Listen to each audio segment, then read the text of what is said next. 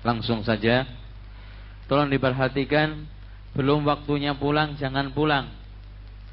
Kalau jalan-jalan lapar boleh makan. Ustaz kalau jam dinding yang ber apa ini? Berdentang tiap 15 menit apa termasuk lonceng? Iya. Hilangkan jam-jam dinding yang berbunyi. Karena itu juga termasuk suara-suara lonceng.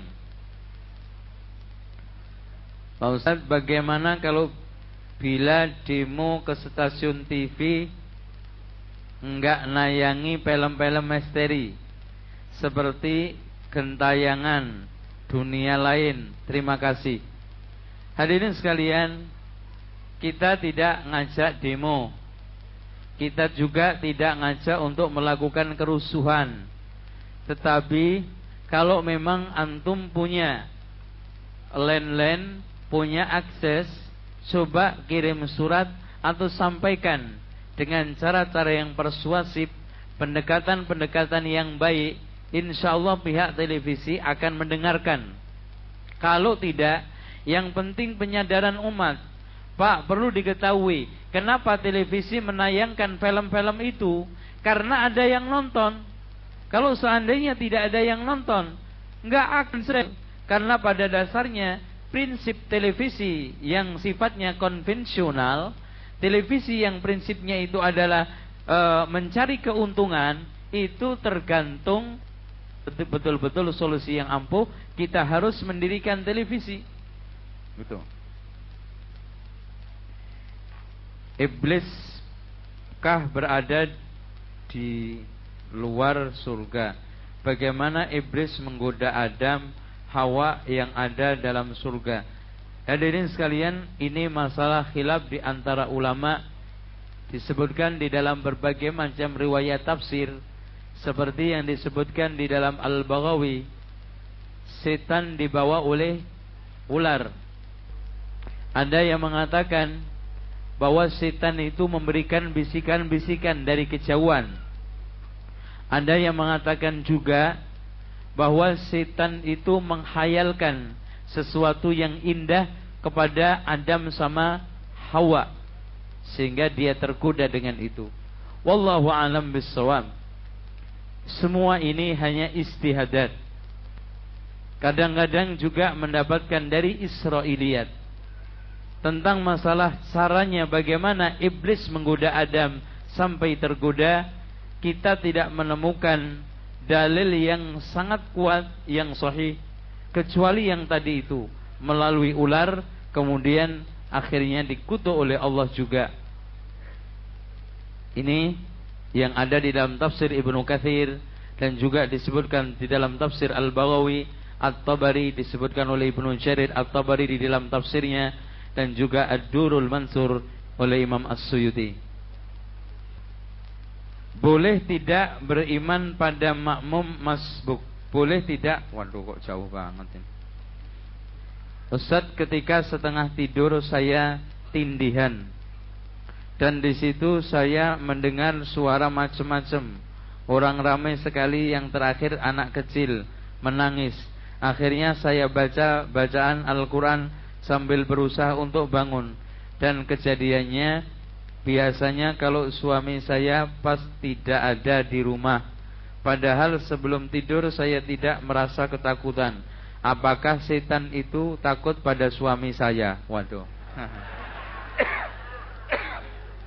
Se, se, se, minum, minum, se.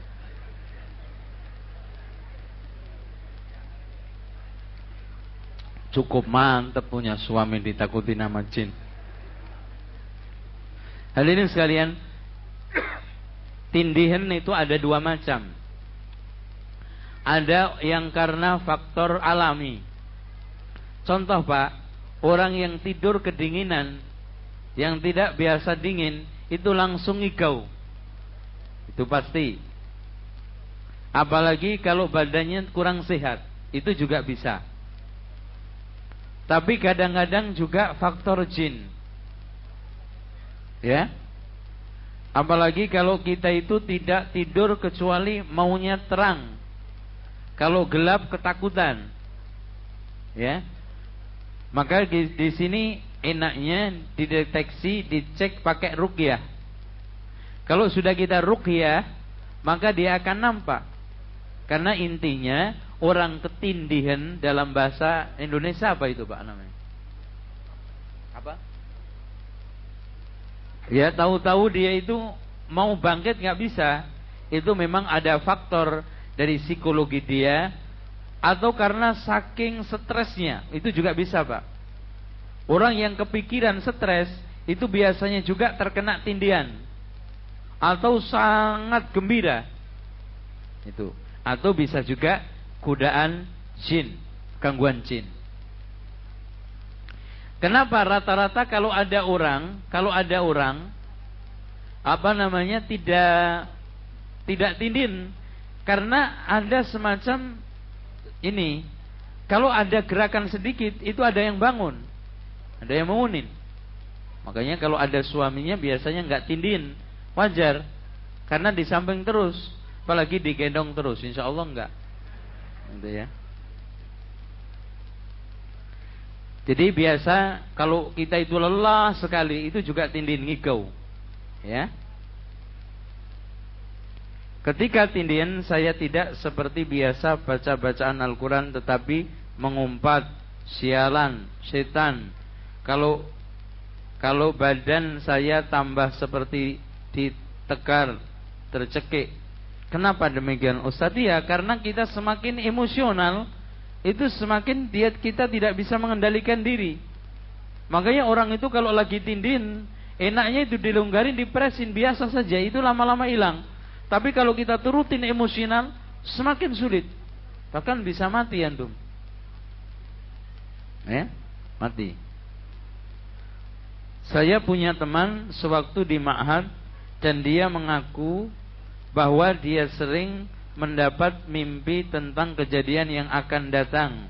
Padahal dia tidak melakukan ritual apa pun dan dia pernah melihat jin berada di pohon. Jin itu sekeluarga. Perlu diketahui teman saya ini hafal Al-Quran. Bagaimanakah kita memahami fenomena seperti ini? Perlu diketahui Pak, kalau memang cerita itu sahih, kalau memang cerita itu sahih, maka mimpi itu ada yang datang dari Allah, ada yang hulm dari syaitan, ada yang biasa bunga tidur. Kemudian kalau dia mengaku tahu syaitan, tahu jin sekeluarga, ini perlu di dicek, jangan percaya penuh.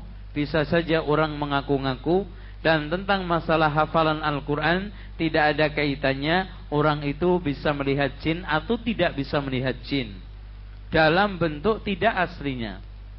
Karena kalau dia mengatakan saya melihat jin dalam bentuk aslinya, maka Al-Quran mendustakan di dalam surat Al-A'raf tadi. Dengan demikian, kalau orang mengatakan hafal Al-Quran dan dia melihat jin, kalau dalam bentuk tidak aslinya, kita tidak usah mengingkarinya dan itu tidak usah dibesar-besarkan. Orang yang tidak hafal Al-Quran juga bisa melihat jin. Dan bisa melihat jin itu bukan suatu kelebihan.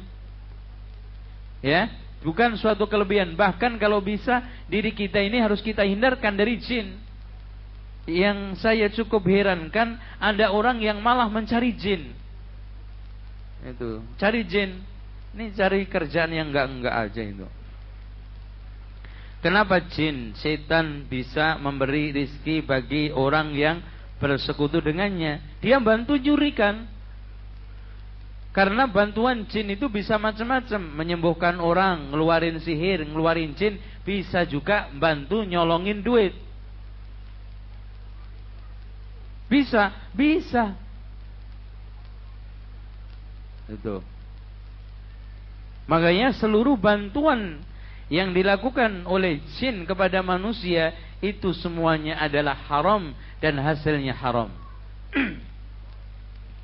Kadang-kadang nyolong ini, nyolong itu. Maka ada dukun bilang, tempat di Jakarta ini yang paling banyak jinnya nomor satu bank, nomor dua mall. Itu memang betul itu ya, betul itu. Bukankah rizki itu milik Allah? Betul. Kalau dicuri maling, bisa nggak? Mas, bisa nggak duit ente dicuri maling? Padahal antum juga rizki datang dari Allah. Kerja perang peras keringat banting tulang, pulang habis gajian dicopet. Bisa. Itu ya. Tentang masalah nama-namanya itu jangan urusin ya karena segala nama-nama yang disebutkan oleh orang-orang awam yang tidak disebutkan oleh Al-Quran dan Sunnah, kita tidak boleh me meyakininya dan membesar-besarkan. Entah itu toyol, babi ngepet, nyiroro kidul, itu jangan urus, jangan diurusin. Karena tidak ada hadis nyiroro kidul. Dan juga tidak ada jin bentuknya babi ngepet.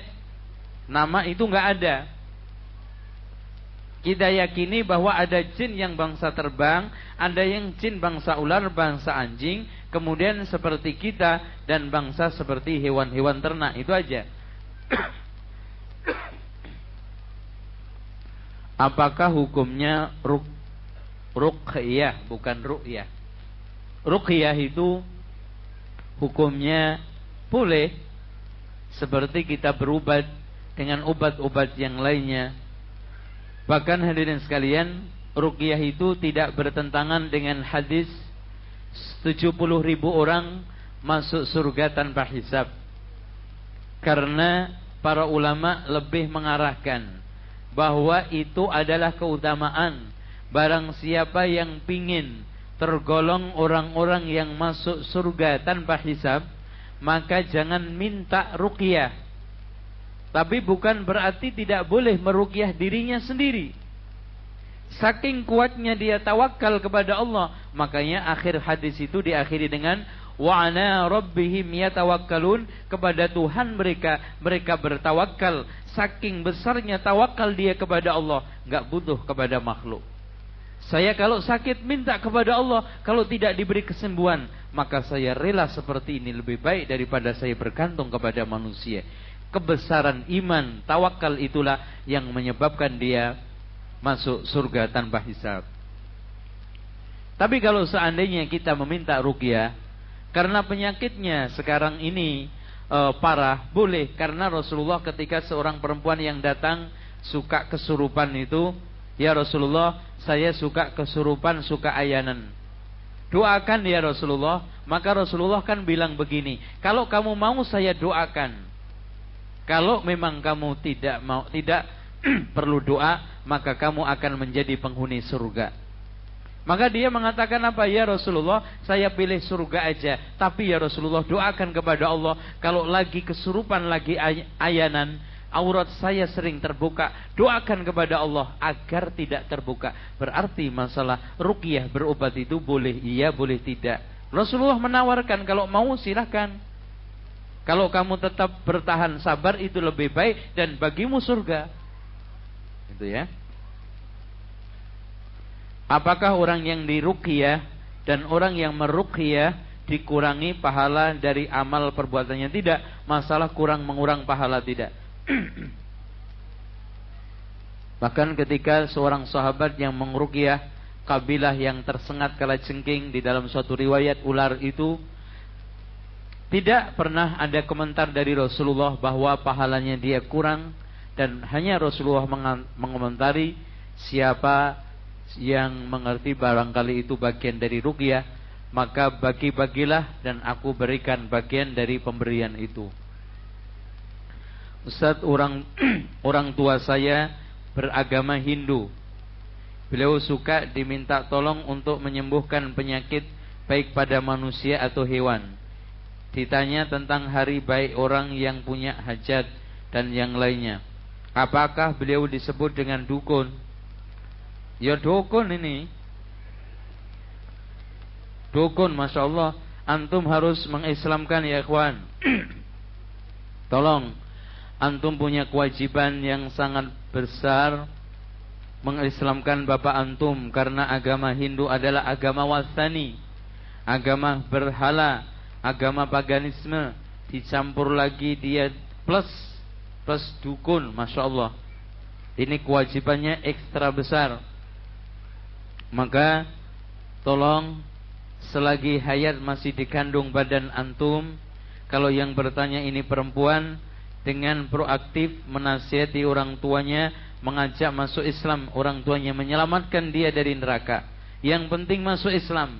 Soal masalah sisa-sisa dosa nanti didorong untuk istighfar dan taubat kalau seandainya dia meninggal dunia masih tersisa dosa, masih ada kesempatan untuk memintakan ampun kepada Allah. Karena apa? Kalau dia mati dalam keadaan kafir, maka nalin nabi walladzina amanu ayyastaghfiru lil musyrikina walau kanu uli kurba. Tidaklah layak nabi bagi nabi dan orang-orang yang beriman memintakan ampun orang yang mati dalam keadaan syirik walaupun kerabat dekatnya sendiri. Jadi putus tidak bisa seperti Rasulullah SAW. Tolong jelaskan poin ke-14 tentang cara menangkal gangguan jin setan lembar kajian ini. Nomor 14 tidak menguap atau menahan menahannya. Jadi usahakan idza tasa'aba ahadukum falyagrim. Jika di antara kalian menguap hendaklah menahan Ya, kalau memang terpaksa hendaklah meletakkan tangannya di mulutnya. Fa idza tasa'aba ahadukum falyadha biyadayhi ala fihi fa inna syaitana yadkhulu. Jika di antara kalian menguap, hendaklah meletakkan tangan tangan di atas mulutnya karena setan bisa masuk. Kadang-kadang Masya Allah sudah keluar suaranya gede, kayak keluar suara sapi mangap, masya Allah. Katanya setan itu oh, tertawa itu masuknya juga. Itu kan kayak masuk gua khirok gitu kan. Masya Allah. Ustaz, apa hukumnya apabila seseorang muslim mengikuti atau ikut serta dalam acara uji nyali atau u apa? Uka-uka itu apa? Hah? Astagfirullah. Siapa yang nonton? Angkat tangan. Semua ya Allah. Gimana bisa tutup televisinya acaranya? Kalau antum aja nonton apalagi orang awam. Ya. Tolong deh ini di, dihentikan nonton itu. Jangan ditonton. Biar televisinya nggak laku. Kalau nggak laku nanti siarannya bisa daurah itu tablek akbar, pengajian. Karena kalau lagi tablek akbar yang nonton banyak. Ini sini paling banter yang nonton banyak itu cuman apa? Cuman dikir bersama, ya. Terus yang ada di TV demi tujuan mencari duit atau mungkin yang lain, nggak boleh. Mas, duit Anda yang Anda dapat dari situ tidak akan diberkahi oleh Allah. Carilah rizki, peluang-peluang rizki yang halal masih banyak. Seperti juga saya sarankan orang yang kerja di majalah-majalah gosip, tabloid-tabloid gosip itu hasilnya nggak berkah. Karena, karena ngegosip orang itu hukumnya apa? Dosa. Terus kemudian kerja di acara-acara yang masya Allah kadang-kadang menjual syirik jelas menjual bid'ah khurafah ini ditinggalin. Antum tidak akan mendapatkan harta yang berkah di hadapan Allah ya. Tolong dijelaskan tentang pendapat yang menyatakan bahwa jin tidak dapat dilihat dalam bentuk aslinya tetapi dapat bersetubuh dengan manusia apakah pendapat tersebut bertentangan tidak karena dia sebelum bersetubuh dengan manusia menjelma dalam bentuk manusia, menjelma dalam bentuk yang lainnya. Itu tidak bertentangan. Karena sebagaimana setan itu punya peluang untuk menjelma, peluang untuk jadi manusia, peluang untuk berhubungan dengan manusia. Dan ini sangat logis. Segala sesuatu yang bisa kita indra, bisa kita lihat, bisa kita pegang, segala sesuatu yang bisa kita pegang bisa menyatu dengan tubuh kita seperti manusia layaknya. Bagaimana dengan mereka yang mengetahui perkara yang gaib, misalnya menunjukkan suatu tempat bahwa di situ ada makhluk gaib sampai disebut namanya dan dan gambarnya. Apakah mereka benar-benar mengat? Menga oh, tulisannya atau mereka yasa, mengetahui atau mereka yasa saja.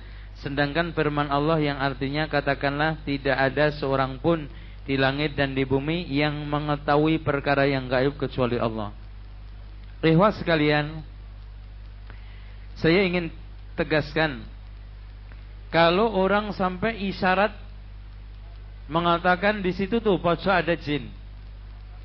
Tuh, tuh sebelah kotak itu belakang kotak ada jin tuh. Nah, nengok jinnya, itu kan? Itu. Jinnya anaknya tiga. Kamu mau nggak saya perlihatkan? Tolong, tolong anda besana semua. Antum umpamanya, umpama ini, ya, itu. Umpamanya. Ini semuanya hadirin sekalian cara-cara yang tidak pernah diawali oleh ulama-ulama salaf, sahabat dan tabi'in. Hanya pernah dilakukan oleh Rasulullah. Pernah Rasulullah diriwayatkan oleh Abdullah ibnu Mas'ud malam-malam kehilangan Rasulullah. Ternyata Rasulullah Shallallahu Alaihi Wasallam bertemu dengan jin, kemudian ditunjukkan bekasnya dan bekas apinya. Selain itu tidak ada Abu Bakar, Umar, Utsman, Ali main-main sama jin. Terus kemudian para sahabat diajak untuk datang ke tempat jin tidak ada. Dengan demikian, ini termasuk pekerjaan-pekerjaan yang la faidata, tidak ada faidahnya, tidak layak dilakukan orang-orang mukminun, orang-orang muslimun. Biarkanlah sekarang jin menikmati dunianya, kita menikmati di dunia kita. Ya. Apalagi nunjuk sana sini. Kalau ada orang mengatakan tuh tuh di WC itu ada jinnya. Ya benar, nggak usah dokon kita aja juga bisa mengatakan di sekitar kita juga ada jin. Kalau itu yang dimaksud gak ada masalah. Tapi kalau dikatakan itu adalah orang yang aneh, orang yang ajaib, orang yang memiliki kelebihan, ini hanyalah sekedar trik-trik dukun di dalam cara untuk mengenalkan dia kepada masyarakat supaya tertarik. Wah, iya ya ini orang ini ajaib, punya kelebihan. Akhirnya didatangin, Pak, Bapak bisa nggak ngecek saya ini ada jin nggak? Tolong Pak, cek di rumah saya Pak. Ya nanti datang 10 kan jam 10 ya. Kalau lebih dari jam 10 sudah nggak bisa loh. Tolong disiapkan nanti satu kambing. Kau tolong kambingnya yang gemuk dan sekalian orang yang nganterin ya Pak ya. itu kan, dianterin ke rumah itu. Ini dukun itu Pak yang paling jahat manusia itu dukun ya. Ngerogotin harta kekayaan manusia dengan cara penipuan-penipuan. Dan penipuan yang paling aman adalah lewat perdukunan. Karena di Indonesia memang sudah kental dengan nuansa dukun. Sehingga ditipu dengan cara apa saja itu orang iya-iya aja. Ya. Hanya jangan diturutin semua itu. Bagaimana pendapat Ustadz tentang buku Kesaksian Raja Jin saya nggak tahu ini. Uh, di mana Pak? Ini karangan siapa ini? Uh, saya belum baca nanti uh, coba diberikan. Karena kadang-kadang ada orang yang merukyah. Kemudian perasaannya didatangi oleh Nyi Roro Kidul. Kemarin itu ada tiga orang, ya bukan dulu ada tiga orang, dua-duanya ini tiga-tiganya mengaku pernah nikahin Nyi Roro Kidul. Wah kemarin itu saya merukyah itu yang masuk ternyata Nyi Roro Kidul itu. Langsung setelah keluar saya rukyah dia sadar saya nikahkan itu sama jin yang lainnya. Ini juga sama. Katanya berhasil mengeluarkan Nyi Roro Kidul dan nikahkan semua. Kok nikahnya bulak balik padahal Nyi Roro Kidul perempuan kan Perempuan nikah cuma satu. Inilah hadirin sekalian, celemang celemun, celoman celamet begini ini harus dihentikan. Kalau seandainya sekarang eh, yang dimaksud kesaksian Raja Jin, dia mendapati uh, jin-jin raja-raja dan dia ketemu ini juga akan membahayakan kondisi umat dan nanti tidak ubahnya dunia lain. Makanya sebelum menilai saya ingin baca dulu nanti. Apakah ilmu kebal senjata termasuk perbuatan sihir? Ya. Karena ilmu kebal itu bukan bagian dari Islam. Dan sering saya katakan, kalau seandainya ilmu kebal itu ada di zaman Rasulullah Sallallahu Alaihi Wasallam, Pak, Rasulullah ketika perang-perang itu lebih butuh ilmu kebal. Kalau seandainya ilmu kebal itu ada, udah kalau perang nggak butuh tameng, nggak butuh pedang, nggak butuh tombak, udah tenang aja, ya. Sekarang musuh puas ngantemin kanan kiri, jebret jebret jebret jebret, nggak apa-apa, sampai pegel tempeleng aja jatuh musuhnya, nggak lucu. Bahkan ketika perang Badar itu Pak, Rasulullah menangis istighosah agar pasukan yang kecil 313 itu dimenangkan oleh Allah. Kalau seandainya Rasulullah punya ilmu kebal 313 ini dimasukin aja ditiupin fu fu semua udah 13 anti bacok semuanya. Udah nggak usah pakai senjata ya. Para sahabat sekalian nanti biarin yang nempeleng, yang nyodok, yang ini jangan biarin pegel dulu. Baru sekali sentil aja jatuh. Dan ini nggak lucu sama sekali jelas penyesatan. Dan anehnya di sekalian di Jawa Timur itu adanya namanya Kiki bisa bikin telur jadi bom. Iya. Dulu termasuk uh, kalau lagi tengkar antara pondok pesantren yang paling ditakuti pondok pesantren Tebuireng. Dia kiai pondok pesantren Tebuireng tuh. Kiai punya bom. Saya pikir-pikir dulu itu lagi saya dari pesantren dulu lagi perang Afghanistan. Wah, saya itu usul lama Pak Kiai ini enak nih. Dikirim satu kerat ke Afghanistan enak, diselundupin kan telur aja paling. Kalau nyelundupin toh ini nyelundupin apa namanya bom kan ketahuan. Udah telur, nah paling-paling ini untuk makanan veteran Afghanistan di sana yang pincang-pincang itu kan gitu. Udah jadi bom. Dan juga nggak pernah ada sampai sekarang ini kita lihat tawuran ada orang diantem apa? Dilemparin apa? Telur itu paling telur bosok. Ya. Ini nggak benar. Ada lagi menciptakan tasbih itu jadi berubah kayak apa namanya? Uh, uh, itu loh rantai. Itu. Bahkan di garis begini itu bisa tidak bisa meloncat Bahkan dulu hadirin sekalian kalau sepak bola nggak tanggung-tanggung bolanya itu api. Mulanya api. Kalau atraksi pencak silat NU Pagar Nusa itu di antaranya ada mereka yang ditindih batu besar, ada yang dilindas truk. Ini semuanya adalah sihir. Itu sihir. Jangan jangan percaya itu kalau karomah, karena bapak saya punya semua itu dulu. Alhamdulillah supaya sekarang sudah hilang ya. Yang namanya mobil mogok yang itu bisa diangkat. Syaiton dibantu syaiton. Ya. Cuman hadirin sekalian itu harus ditungguin. Kalau yang bagian pawangnya itu nggak ada, itu kalau dibacok bisa bablas betul. Makanya main debus, main dan yang lainnya itu semua harus ada pawangnya. Kalau pawangnya tidak konsentrasi, bisa tembus benar itu. Nah, ini semua adalah bantuan dari syaitan. Kadang-kadang setan pas aksi begitu pergi. Ya, setannya khianat. Sini itu paling usil. Ya nanti saya tolong. Giliran aksi dibacok, pergi setannya. Itu ngerjain kita. Oh, bablas itu makanya di antara pemain-pemain debus itu ada yang tembus bener mati.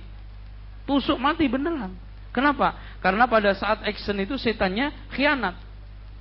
Itu ya.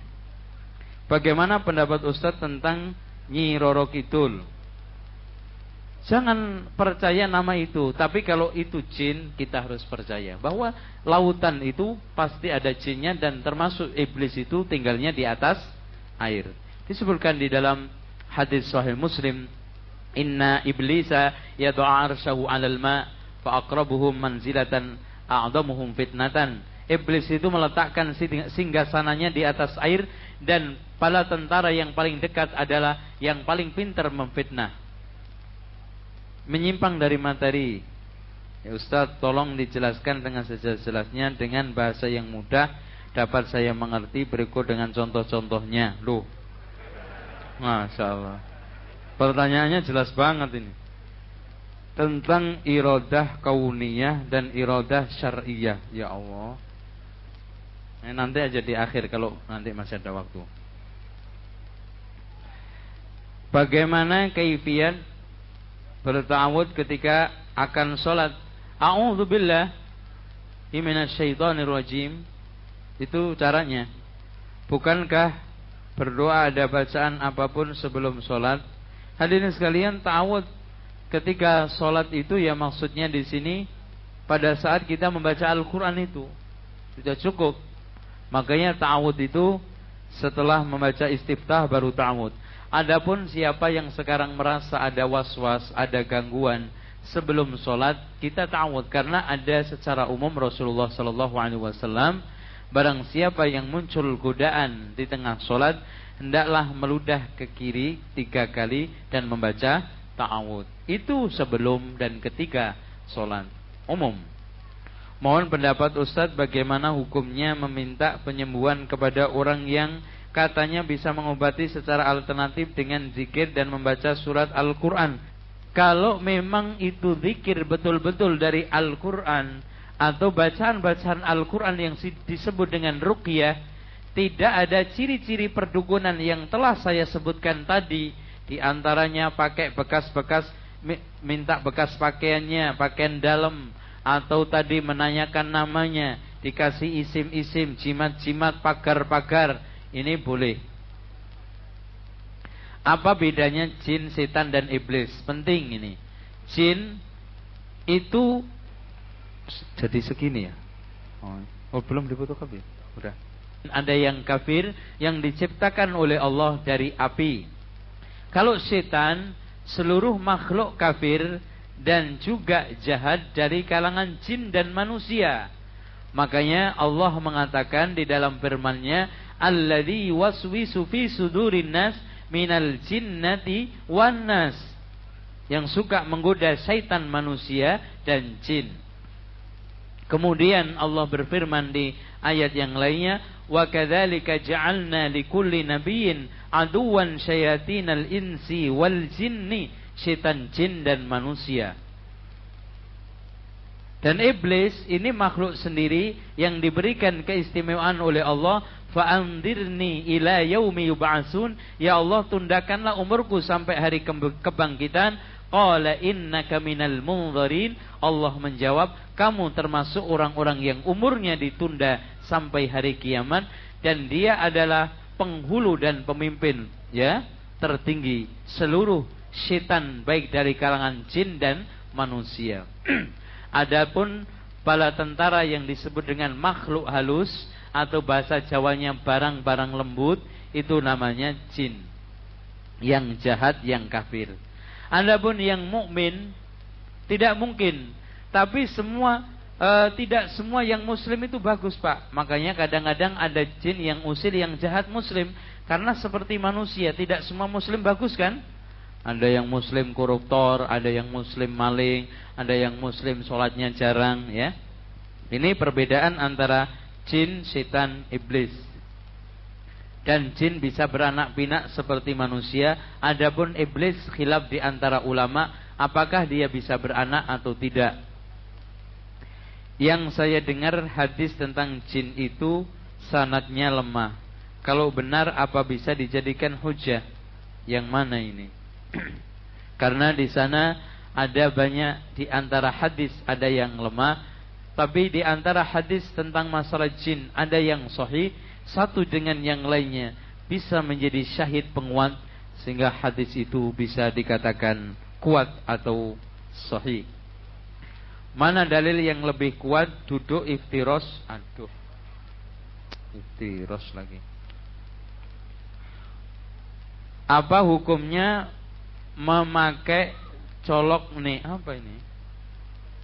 E, wangi-wangian yang mengandung alkohol ketika hendak sholat Sedangkan hal alkohol hukumnya haram tahu loh. Tanya memfonis lagi. Katanya orang yang terkena jin itu cirinya kalau tidur adalah ngorok Apa ini benar? Enggak, ya. Ngorok itu mah sudah e, kebiasaan manusia. Pokoknya rata-rata orang itu kalau gemuk, perutnya gede, itu pasti tidurnya ngorok. Itu aja. Tapi kadang-kadang ada orang yang kurus juga ngorok. Karena memang dari kawan bayi saya katakan. Kadang-kadang Pak jangankan tidur, duduk aja bisa ngorok. Nah, itu ada. Ustadz katanya lonceng itu musyrik, musuh, musik setan. Tapi saya pernah di buku bahwa turunnya wahyu pada Rasulullah itu disertai sinar dan bunyi lonceng. Apa itu benar? Betul. Jadi misalnya ketika Rasulullah Shallallahu Alaihi Wasallam di antara menerima wahyu itu suaranya misalnya sol solatil jaros seperti tapi bukan berarti kita boleh niruin. Kita bukan Tuhan menurunkan wahyu sehingga pakai lonceng. Itu hak Allah. Ya. Ini khusus tetapi di sana ada dalil yang am bahwa malaikat itu tidak akan masuk rumah yang ada lonceng dan juga ada anjingnya. Itu. Ayah anak kalau tidur sering was-was seperti dikejar maling. Apa itu juga termasuk kesurupan atau harus diruqyah? Coba dicek dulu kalau memang tidak ada gejala kesehatan jasmani, psikologi, maka diruqyah. Tapi saya tidak bisa memfonis. Kenapa? Kita bukan dukun dan pengobatan Islam itu bukan dengan cara dukun nebak-nebak sebelum tahu. Kita cek dulu dengan ruqyah kalau ada reaksi dia kena kalau tidak pasti ada gangguan psikologi lainnya. Bagaimana tanda anak kecil balita ketika kesurupan jin? Apakah ketika anak tersebut menangis tidak mengeluarkan air mata. Bagaimana bila anak tersebut belum dapat berbicara?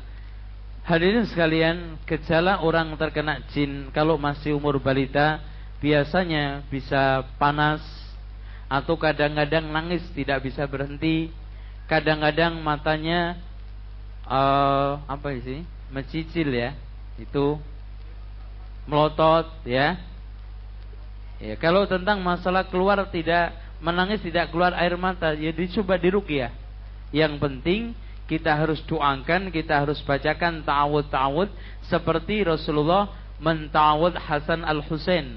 Ya, u'idzuka bi kalimatillahi tamati min kulli syaitanin wahama wa min kulli ainin lama dan seterusnya itu. Insyaallah atau kita uh, doakan dengan ta'awud-ta'awud yang lainnya seperti A'udzu bikalimatillahi tammati min syarri ma khalaq. Bismillahilladzi la yadurru ma'a ismi syai'un fil ardi wala fis samai wa huwas samiul alim atau kita doakan dengan doa-doa yang dia, telah diajarkan oleh Rasulullah Bismillahi urkika min kulli syai'in yu'dhika Allahu yashfika Bagaimana cara jin jahat mengganggu jin yang soleh Gimana sih? Bagaimana cara jin jahat mengganggu jin yang soleh? Wallah alam, mana nggak pernah tahu informasinya. Dan juga tidak ada pemberitaan secara khusus. Kalau jin punya koran atau punya hotline gitu, kita buka situsnya. Itu. Antum tanyanya nggak masuk akal ya. Bagaimana dengan bengkel rohani? Nola, nah lo kan. Ah, ini loh. Ya, mau ngomentarin deh. Nanti salah lagi. Apakah boleh pengobatan melalui tenaga dalam dari olah pernapasan sinar aura? Apa sinar aura itu? Kalau pernapasan itu biasanya dicampur dengan doa-doa, meditasi dan yang lainnya. Ini termasuk bagian pengobatan khurafat. Kalau sinar aura saya belum pernah uh, uh, apa namanya mendapatkan penjelasan. Ini saya kira tadi itu euro ini, bukan ya?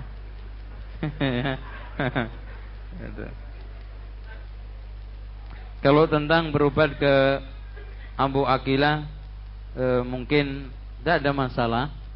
karena pengobatan-pengobatannya juga eh, apa namanya pakai Al-Qur'an dan Sunnah. Cuman secara persisnya saya belum pernah ke sana karena belum pernah sakit alhamdulillah. Kalau sakit di ru'yah sendiri. Ngapain ke jauh-jauh gitu ya?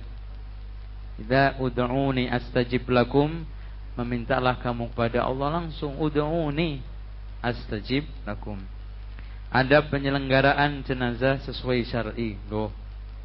Kok jenazah sih? Adab eh, bagaimana adab ziarah kubur? Aduh. Terhindar dari kesyirikan. Diletakkan di sini nanti. Ngurusin jin dulu, Pak ya. Apakah jin itu berakal? Iya, mukallaf. Karena tidak ada makhluk yang mukallaf pasti berakal. Sementara Allah telah membebankan wa ma khalaqtul jinna wal insa illa liya'budun. Bagaimana dengan jin ifrit yang ada dalam zaman Sulaiman yang berjanji mampu memindahkan singgasana Ratu Belkis ngapain? Kenapa memang? Emangnya kita Sulaiman? Ini gayanya mungkin gini. Kalau Nabi Sulaiman boleh minta bantuan kepada Ibrit, kenapa kita tidak boleh? Pak, itu adalah mukjizat kelebihan yang diberikan kepada Nabi. Dan Nabi Sulaiman sendiri meminta, Rabbi habli mulkan la yambaghi li ahadin ba'di. Ya Allah berilah kekuasaan kepada kami yang tidak pantas, tidak layak kepada orang-orang setelah kami.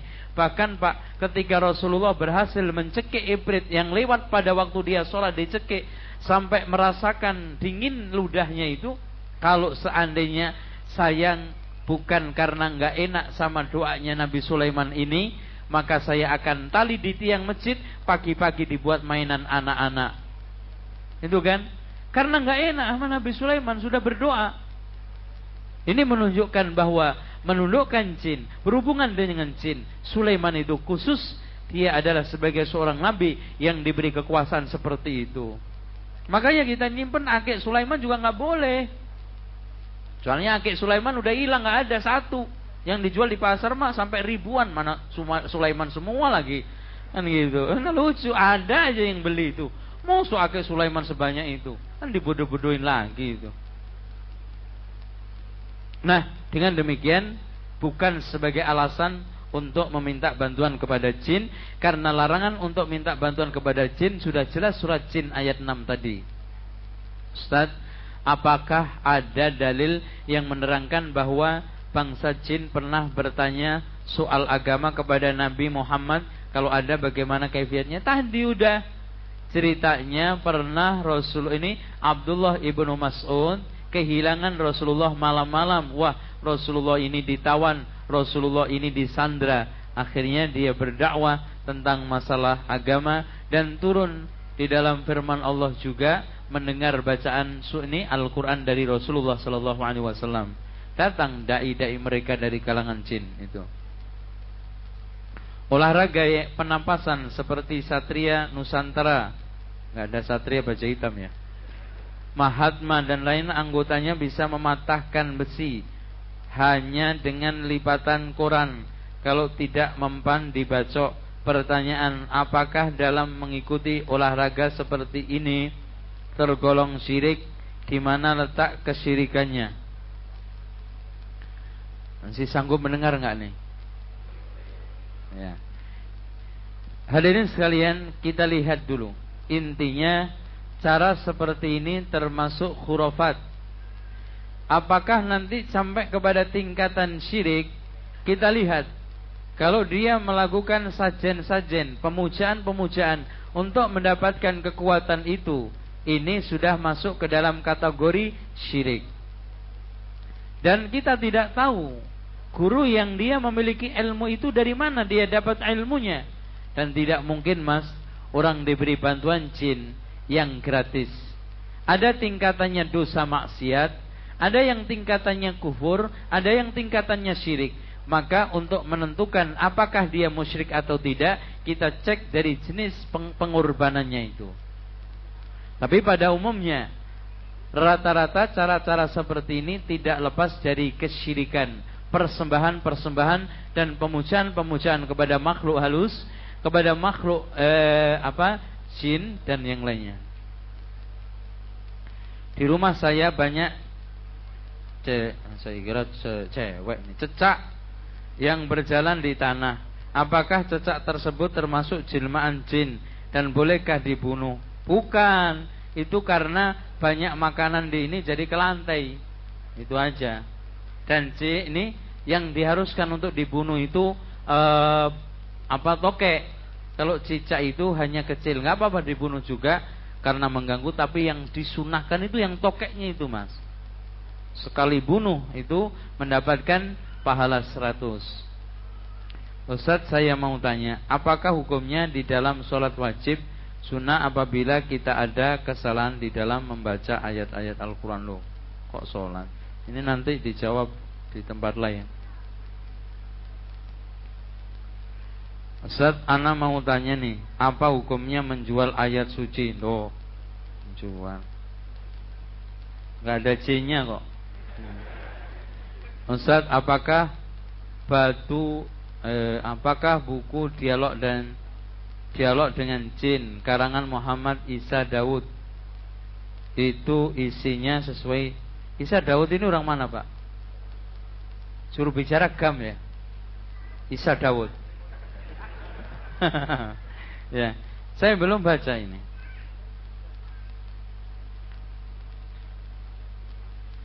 Apa mungkin jin ditangkap dan dimasukkan ke dalam botol seperti pemburu hantu? Acara televisi, no kan televisi lagi. Aduh, nggak ada penjelasan-penjelasan dari Rasulullah. Semua yang dilihat dari televisi. Jadi hadirin sekalian, semua ini hadirin kita jangan terlalu percaya. Ini adalah penggiringan-penggiringan ke arah pada khurafat. Ustadz anak tidur sering bermimpi bahkan tiap hari apa ini termasuk kelakuan daripada jin. Loh, kalau sekarang mimpinya bagus, kenapa harus ditolak? Ya memang tidur itu yang dicari ngimpinya, apalagi ngimpi umroh. Enak itu. Tiap hari ngimpi umroh apa nggak seneng tuh? Ya. Tapi kalau ngimpinya tidak enak, ini adanya ngimpi gangguan-gangguan yang menakutkan, ini adalah bisa tanda-tanda Anda sedang diganggu oleh jin. Sebaiknya membaca surat apa sebelum tidur? Biasa, kulhu tiga kali ditiup, diusapkan, kul a'udzu falak tiga kali, kul a'udzu nas tiga kali, kemudian ditambah membaca ayat kursi dua terakhir surat Al-Baqarah, kemudian diakhiri dengan surat Qul ya ayyuhal kafirun, dikatakan dalam hadis Rasulullah, jika dia mati dia akan ditulis bara'atun minasyirki, dibebaskan dari kesyirikan. Ustaz ana pernah dengan Ustaz ana pernah dengar ada wanita yang tiba-tiba hamil besar cerita ini betul tidak jika betul apa status luanang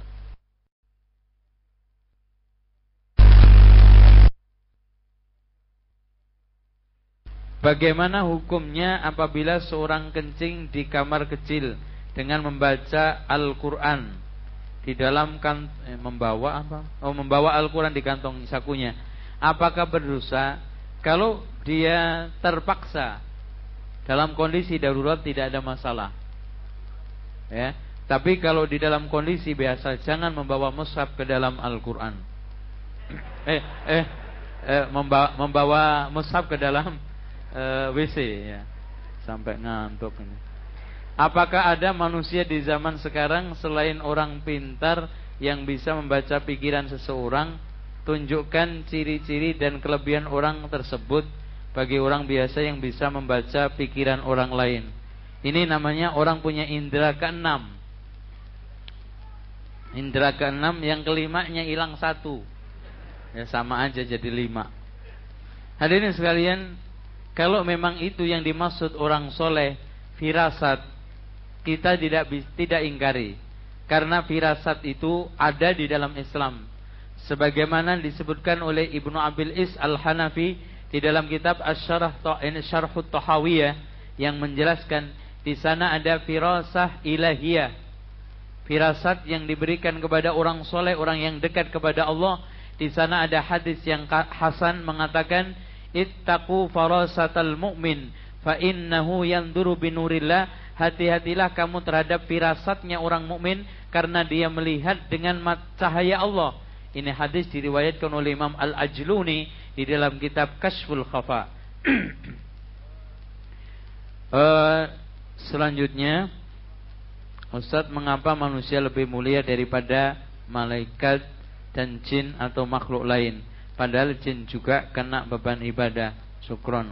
Ketetapan dari Allah tentang masalah ini ada perbedaan di antara ulama mana yang lebih baik antara Nabi Adam dengan malaikat. Ada yang mengatakan lebih baik Adam karena Allah mengajarkan kepada Adam yang malaikat tidak tahu. Wa 'allama Adam al-asma'a kullaha summa aradahum 'alal malaikati faqala anbi'uni. Dan kemudian Malaikat menjawab, saya tidak tahu dan saya tidak mengetahui hal-hal kecuali yang telah engkau ajarkan. Ini di antara dalil bahwa malaikat itu lebih baik daripada Adam. Apa benar ada seorang ikhwan yang disukai oleh jin? Perempuan. Dan seorang akhwat yang disukai oleh jin laki-laki? Kalau memang benar ada, bagaimana cara mengeluarkan jin itu dengan dari akhwat atau ikhwan tersebut? Dan bagaimana cara mengusir ular yang kecil yang ada di dalam rumah? Ya pakai apa batang e, pakai sapu pakai ini ya di ini insya Allah nggak akan balik gigit nggak ya itu kalau memang takut pakai ini panjang ya itu terus kemudian kalau memang ada yang diganggu karena jin yang isyek yang kasmaran atau yang asmara tadi ya kita keluarkan cara-cara rukyah seperti kita merukyah jin yang lainnya. Setelah lewat waktu maghrib, bolehkah anak-anak bermain di luar rumah? Boleh. Makanya Rasulullah SAW boleh dilepas kembali. Ya sholat e, ke masjid juga boleh. Pak Ustadz, bagaimanakah caranya kita tahu bahwa ada orang yang ber, yang berbuat sihir? Ya nggak bisa. Ya. Karena kita bukan dukun. Kalau dukun dikabari oleh jinnya, si fulan punya sihir, si fulan tukang sihir, si fulan yang mensihirnya. Yang penting kita rukyah. Dan tolong Pak, kalau seandainya ada orang yang sedang dirukyah, kemudian tiba-tiba si jinnya mengatakan saya dikirim oleh fulan, jangan gampang percaya. Itu adalah adu domba bisa-bisa. Makanya jangan gampang dipercaya. Yang penting antum rukyah terus sampai keluar. Bolehkah kita mematikan ular yang jatuh dari atas rumah dan mengenai tubuh kita? Uh, hadirin sekalian, kalau memang seperti itu termasuk ular rumah, maka ditunda dulu. Dikeluarkan aja, jangan dibunuh. Bagaimana hukum menghadiri pernikahan orang yang murtad?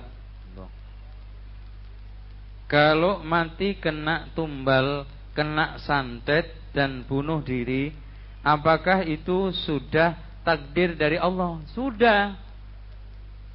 Ta'addadatil asbabu fal mautu wahidun. Faman lam yamut bisayfi mata bighairihi.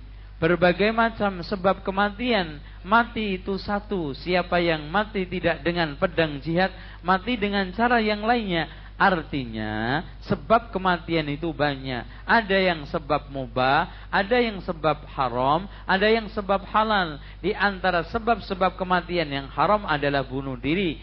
Yang sebab wajar artinya kita tidak berdosa disantet orang. Itu kita nggak dosa.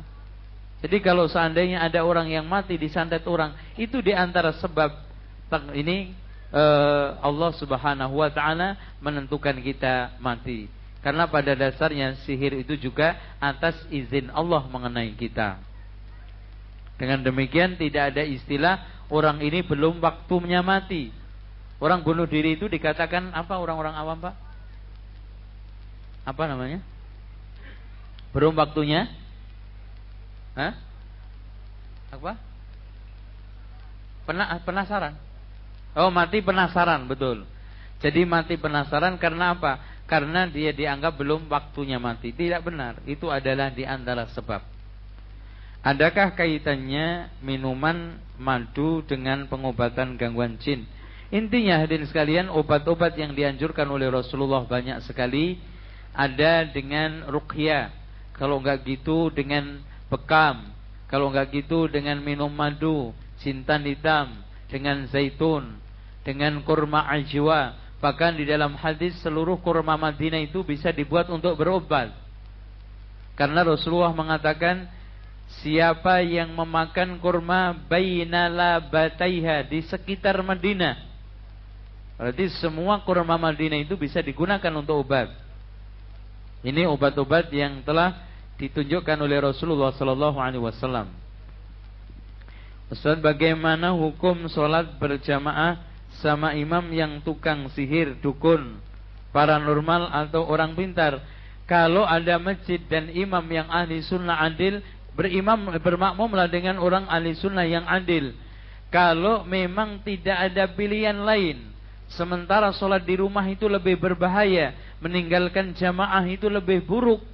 Maka kita lihat dulu, kalau paranormalnya si dukunnya itu melakukan cara-cara persembahan yang sampai kepada tingkatan syirik, kita sholat nanti diulangin.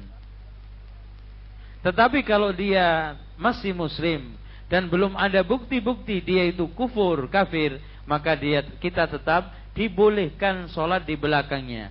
Kalau tidak ada imam yang ahli sunnah wal jamaah. Itu syaratnya. Tapi kalau kita bisa mengganti Pak, Bapak kan dukun. Udah dah nggak usah jadi imam aja. Ini nanti bisa-bisa sholatnya subhat Pak. Itu, wah ini bisa dikolok ini. Itu. Ya dirunding lah dengan baik sama pengurusnya, ya. Kalau memang tidak bisa cari masjid yang lainnya. Bagaimana menjelaskan kesesatan dukun kepada orang yang masih beranggapan bahwa dukun-dukun tersebut bisa mengobati pasien karena diberi sedikit ilmu oleh Allah. Hadirin sekalian, e, berikan kitab-kitab kecil ya, atau antum baca kitab kecil seperti kitabnya Syekh Abdul Aziz bin Bas penjelasan tentang risalah sihir dan perdukunan itu. E, jelaskan bahaya-bahaya datang ke berdukun, kemudian ilmu yang diperoleh oleh dukun itu dan jelaskan tidak ada satupun ilmu dukun yang diperoleh dengan cara yang benar. Pernah ada di Sumatera atau di Kalimantan dulu harus membunuh mencekik wanita 40 tapi baru dapat 37 atau 34 sudah ketahuan duluan. Apa saat tidur sering menendang apa? Men, menendang nendang sambil membaca takbir tahlil apakah ini memasukkan jin? Ini kelainan aja ini. Kelainan e, jiwa. Jika kalbu zikir kalbi la ilaha illallah senantiasa apakah ini diajarkan Rasulullah? Maksudnya apa? Kalbi la ilaha. Zikir kalbi ya. Intinya afdalu zikri yang dilewatkan oleh Ibnu Majah dan Tirmizi, afdalu zikri la ilaha illallah wa afdalu doa alhamdulillah. Dari anggapan amanah syaitan jin bisa masuk ke jasad manusia. Biasanya Pak yang diserang pertama kali adalah kepala.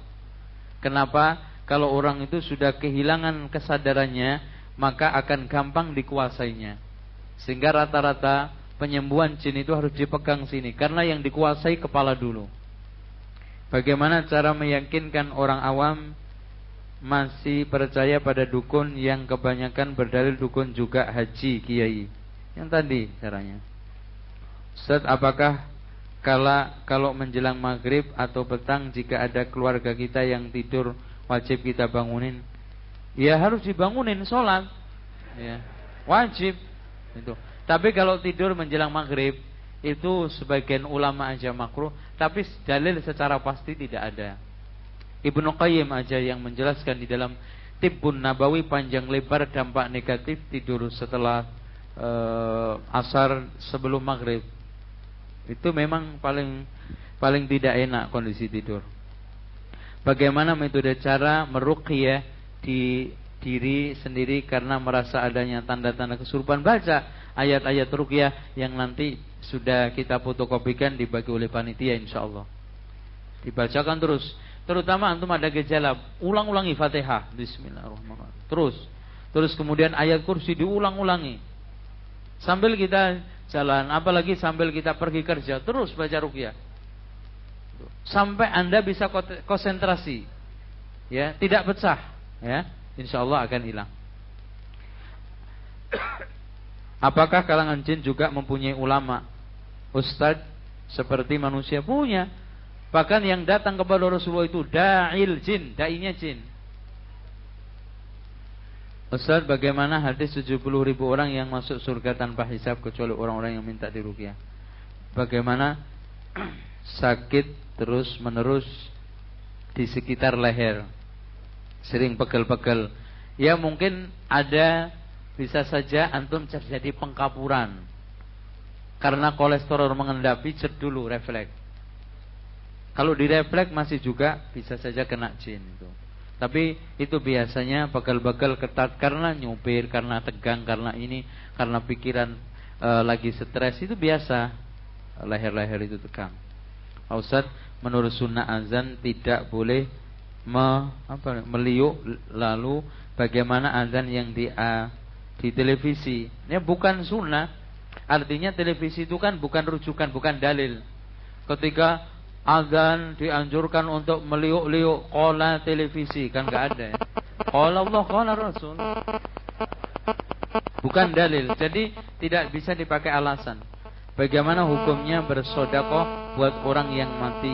Apakah pahalanya sampai kalau dari anak sampai insya Allah?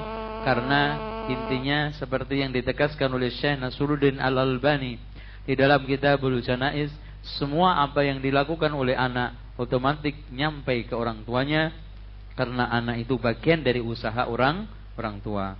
Ustaz, apa usaha kita agar jin tidak bisa masuk ke tubuh kita dan cara menghilangkannya? Tadi ini sudah ada di edaran ini, tolong diperhatikan dengan baik. Demikian hadirin sekalian, uh, waktu yang membatasi kita, insya Allah uh, kesimpulan yang saya ingin tekankan di sini. Setelah kita tahu dunia jin, tempat-tempat jin, dan juga komentar ulama tentang sikap kita kepada jin, maka jangan nonton dunia lain dan dunia mistik.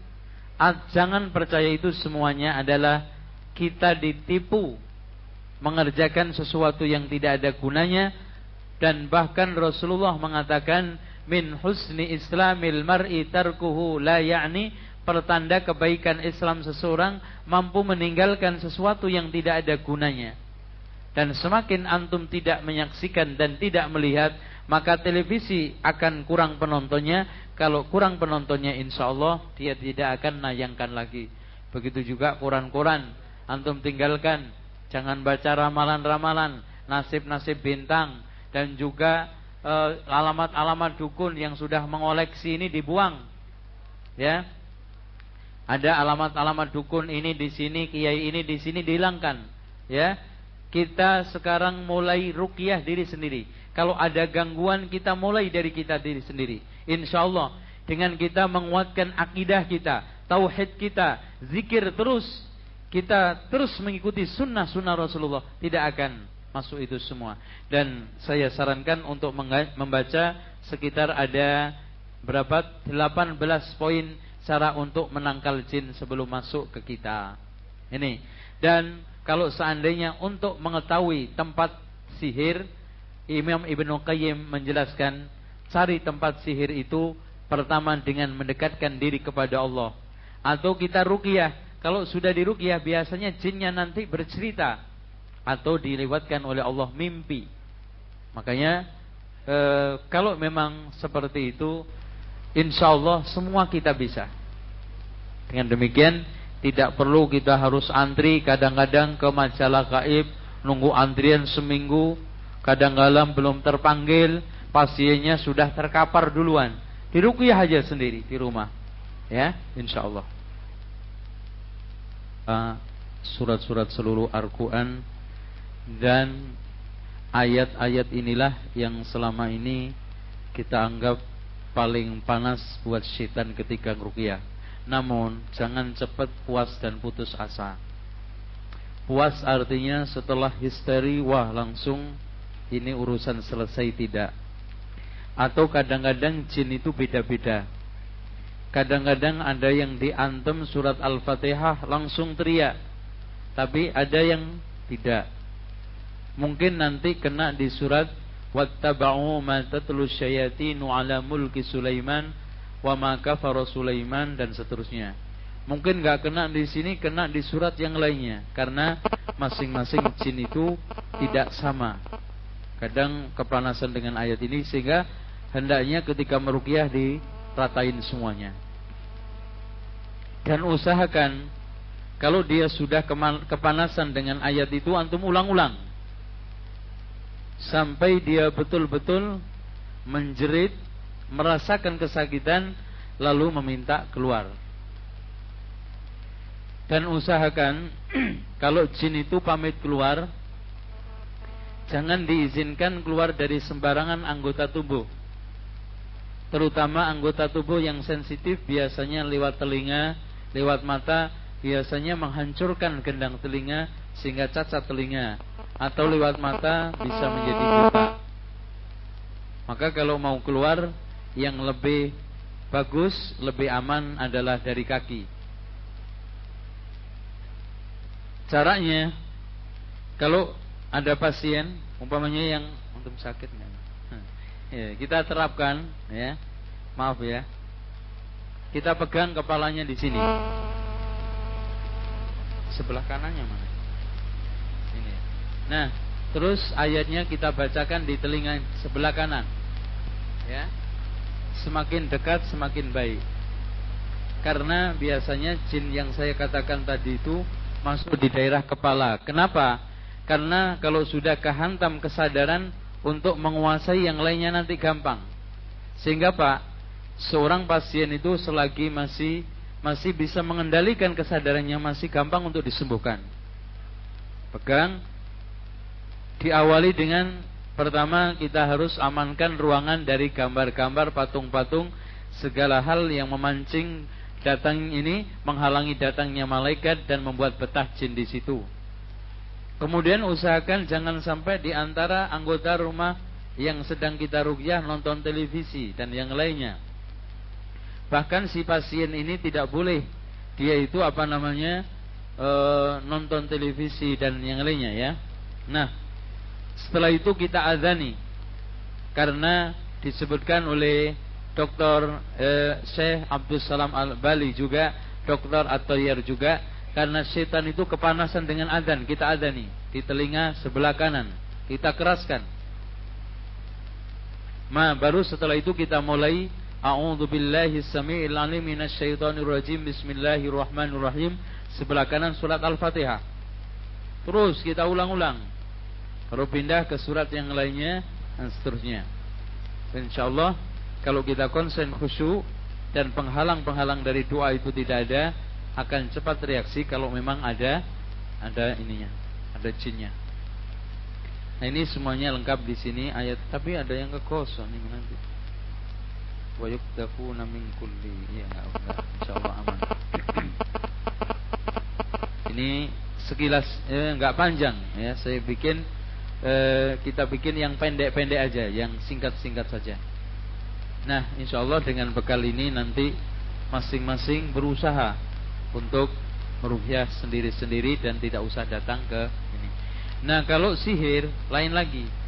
Kalau sihir yang paling efektif kita harus cari benda sihirnya. Benda sihir itu macam-macam kalau dulu pengalaman di tambak beras Jombang biasanya sihir-sihir itu biasa e, kalau ingin orang supaya panas-panasan gambarnya orang ditulis di gambar. Di gambar umpamanya ya udahlah saya gambar kira syukur-syukur ada fotonya. Kalau ada fotonya bagus ditusuk pakai paku kemudian dibungkus pakai bungkus ini. Ini kertas sudah bertuliskan raja. Kemudian dipanasin di kompor. Nanti setiap kompor masak si orang yang kena santet itu biasanya kepanasan ada lagi untuk sihir bikin dadanya nyesek terus itu biasanya tekik rokok itu dicampur dengan korek kemudian dikubur di kandang kandang kambing. Ini cara intinya seribu satu cara untuk mesihir orang. Itu tidak bisa kita catat satu persatu ya. Intinya macam-macam. Bahkan kalau cara untuk menggilakan, membuat orang gila, ya, e, mantranya ditulis, kemudian ada fotonya, ditempelin di situ, atau kalau enggak ini digambar, kemudian kertas ini digantung di burung, burungnya dilepas. Itu di dalam buku pedoman untuk nyantet, ada itu buku untuk pedoman nyantet. Itu selagi burung itu tidak ditangkap, maka tidak akan kena. Dan kita jangan antum kaget ya kalau mendengar uh, atau melihat buku-buku itu ternyata semuanya bahasa Arab. Buku perdukunan di Indonesia yang paling terkenal dan dikenal oleh kiai-kiai kampung atau kiai-kiai pesantren itu satu Samsul Ma'arif. Ada Sumusul Ma'arif. Ada Manba Usulul Hikmah. Kalau dulu yang yang yang saya punya itu Mamba Usulul Hikmah. Itu raja-raja macam-macam tapi hilang Alhamdulillah hilang nggak ada. Ini hadirin sekalian, uh, sehingga di Indonesia sangat berkembang biak cara-cara khurafat seperti ini karena memang akarnya. Nah ini kita harus perangi dengan ini. Insya Allah mudah-mudahan dengan cara kita membuat eh, kajian-kajian uh, seperti ini dan uh, selebaran ini nanti Anda bisa memulai di masing-masing masyarakat kalau nanti ada yang kena kesurupan, antum langsung garap sendiri. Saya tolong saya anjurkan.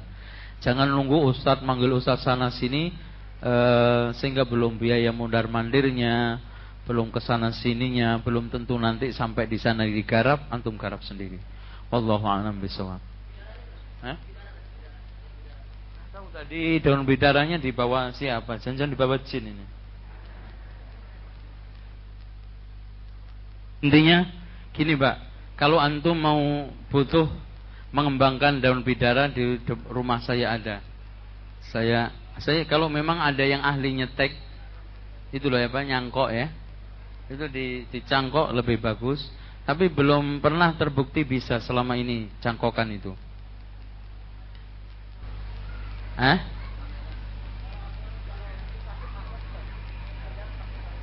Istri. Akhwat e, inilah yang agak sulit kalau nyembuhin akhwat itu. Memang ah gawat banget. Karena apa?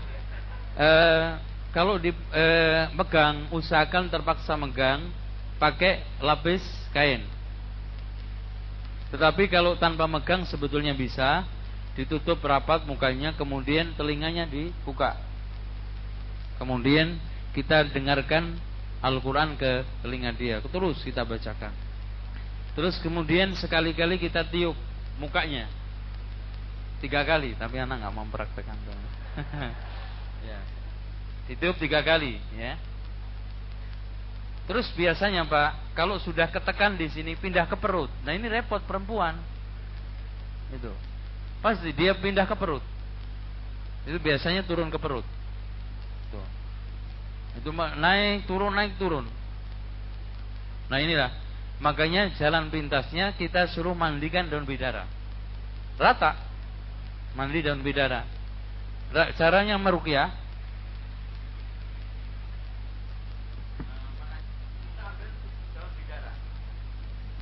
Jadi tujuh daun bidara kita ambil. E, tujuh ditumbuk, kemudian dimasukkan ke dalam yang seger, masih seger, jangan layu. Terutama yang sudah tua, Jangan yang muda, yang sudah tua, yang hijau sekali. Kita masukkan, terus kemudian kita rukyah begini. Iya sudah ada airnya ini. Oh ini umpamanya ada airnya. Ya. Terus kemudian kita tiupkan. Ketika setelah membaca ditiup tiga kali. Ya. Nah setelah itu nanti sebagian diminum, sebagian dibuat untuk mandi. Uh, Syabdul Aziz bin Bas juga menjelaskan di dalam kitab Hukum Sihir dan Perdukunan ini sangat ampuh sekali orang-orang yang kena gangguan sihir, sihir impoten. Dibikin dia tidak mampu menggauli istrinya. Ya. Kalau sama orang lain greget ada, Nggak repot itu kan? Ini jin ini. Kalau sama istrinya jarak 10 kilo udah ngiler dulu. Ini ini berbahaya ini. Ini harus diruqyah, dimandikan. Insya Allah dengan cara seperti itu. Ini. Terus kemudian bisa juga ambil minyak zaitun. Minyak zaitun itu diruqyah. Kemudian dioleskan di seluruh tubuhnya. Ya. Enak itu setiap ini dioles, setiap ini dioles. Terus kemudian Pak, kalau bisa cari minyak kasturi yang asli. Nggak perlu didoain, kalau memang perlu didoain juga nggak apa-apa. Minyak kasturi itu sendiri pengusir jin. Karena rata-rata jin yang menempel manusia itu senangnya bau-bau yang busuk.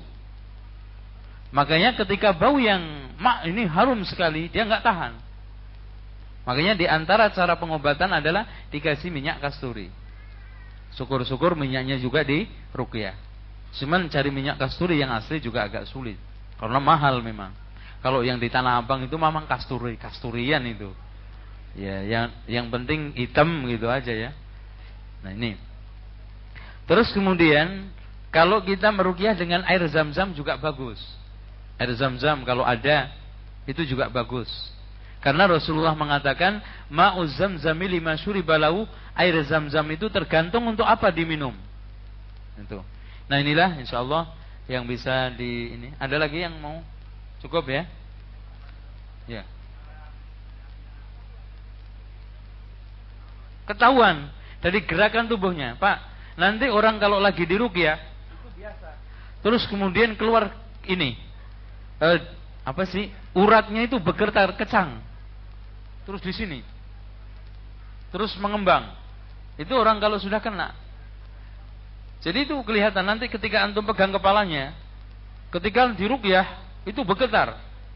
Urat-urat nantinya semuanya getar kencang. Nah nanti itu kemudian ketika ketahuan ke perut, itu dia tekan perutnya begini. Atau biasanya mengeluh. Kalau seperti itu dipukul. Tapi dipukul jangan sampai menyakiti yang yang ininya. Jadi ada pukulan-pukulan yang khusus ya. Bahkan dulu ada orang kena jin pada zaman Imam Ahmad itu Imam Ahmad lagi ngaji. Ya kan? Kemudian setelah itu Imam Ahmad, udahlah, ini sandal saya, kebukin seratus kali. Keluar itu jinnya, belum digebuk. ya, udah keluar. Nah, ceritanya sandalnya Imam Ahmad ini disimpan terus. Ahmad mati, Imam Ahmad meninggal. Nah ini orang ini kena jin lagi, jinnya sama. Udah, wah ini sandalnya Imam Ahmad masih ini diambilin, digebukin, jinnya nyengir. Emangnya gue takut sama sandal? Saya itu dulu takut sama Imam Ahmad. Itu makanya bukan masalah sandalnya ini, takut sama yang punya sandal.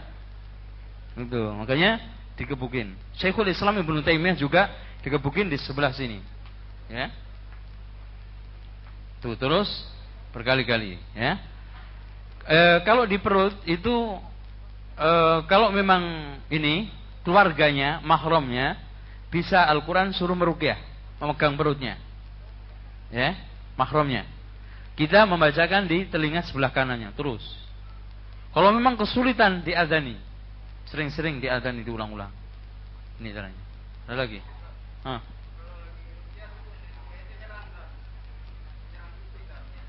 Yang rukyah. Sebetulnya Pak, kalau dia kena jin bener, nggak akan bisa nyodok kita. Nggak akan. Nggak akan. Itu kalau ditekan, itu semakin apa namanya? Semakin apa? Kuat. Kalau dibiarin nggak apa-apa. Pernah. Ini kasus saya merukyah di Solo orang yang punya ilmu macan putih katanya. Betul. Jadi sedang jadi ilmu yang dia cari ini nggak nanggung. Jadi juga enggak nggak jadi juga enggak. Jadi dia itu selalu setiap saat itu di, diganggu sama jin. Kalau lagi datang warung kayak betul kayak macan. Semua orang pada pada takut. Ketika itu saya hadapin padahal saya juga nggak punya ilmu apa-apa saya pegang kepalanya sambil baca ayat kursi diem gitu begini diem Ya, jebret kepala kita pegang, kita baca kursi diem, nggak bisa apa-apa. Paling oh gitu aja. ya. Tapi nggak bisa, nendang nggak bisa ini, ya. Karena kekuatan dia itu digiring oleh jin. Dan jin tidak akan bisa nyampai kepada ayat Al-Quran. Gak bisa mengganggu. Makanya pada saat Ustadz Asmuji yang menyembuhkan sama jin Hindu itu, itu kan bisa ngelompat. Terbang ke sana sini. Tetapi nggak bisa. Mau nendang Ustadz Asmuji, lep. Apa? Melenceng. Padahal dia tenang aja. Karena nggak bisa ganggu. Jadi kalau meronta sebetulnya eh, kalau kita pegang itu cuman kita butuh memegangnya itu supaya konsen aja. Sebetulnya nggak akan ganggu. Ya. Itu. Ada lagi? Eh. eh? Dia normal. Karena ketika dia apa namanya kumat kesurupan itu lain, ngomongnya lain, dia bicaranya juga lain, mukanya juga lain. Ya. Biasanya lemas, setelah itu dia malu, ya. Kalau apalagi perempuan. Dia waras, wajar seperti biasanya. Tapi jangan jangan puas dulu karena biasanya ada yang masih tersembunyi nggak reaksi. Itu. Makanya kadang-kadang sampai berpuluh-puluh keluarnya. Lagi? Eh? Enggak, kita suruh aja. Kita suruh kalau kamu mau keluar lewat kaki. Pokoknya jangan sampai keluar lewat mata, lewat tempat-tempat yang sensitif. Enggak usah. Itu. Bukan ini digiring begini enggak. Karena per, perlu kita ketahui, Pak. Rasulullah mengatakan inna syaitana yajri fi bani adam majrud dam. Setan itu berjalan di anak Adam itu ikut jalannya darah. Setan itu ikut jalannya darah yang kaki keluar. Memang aja ya, memang dunia lain.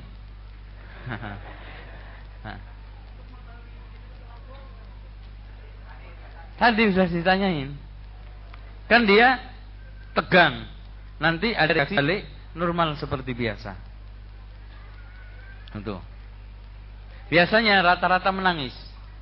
Jadi orang kalau habis dirukyah sadar menangis. Ya. Terus?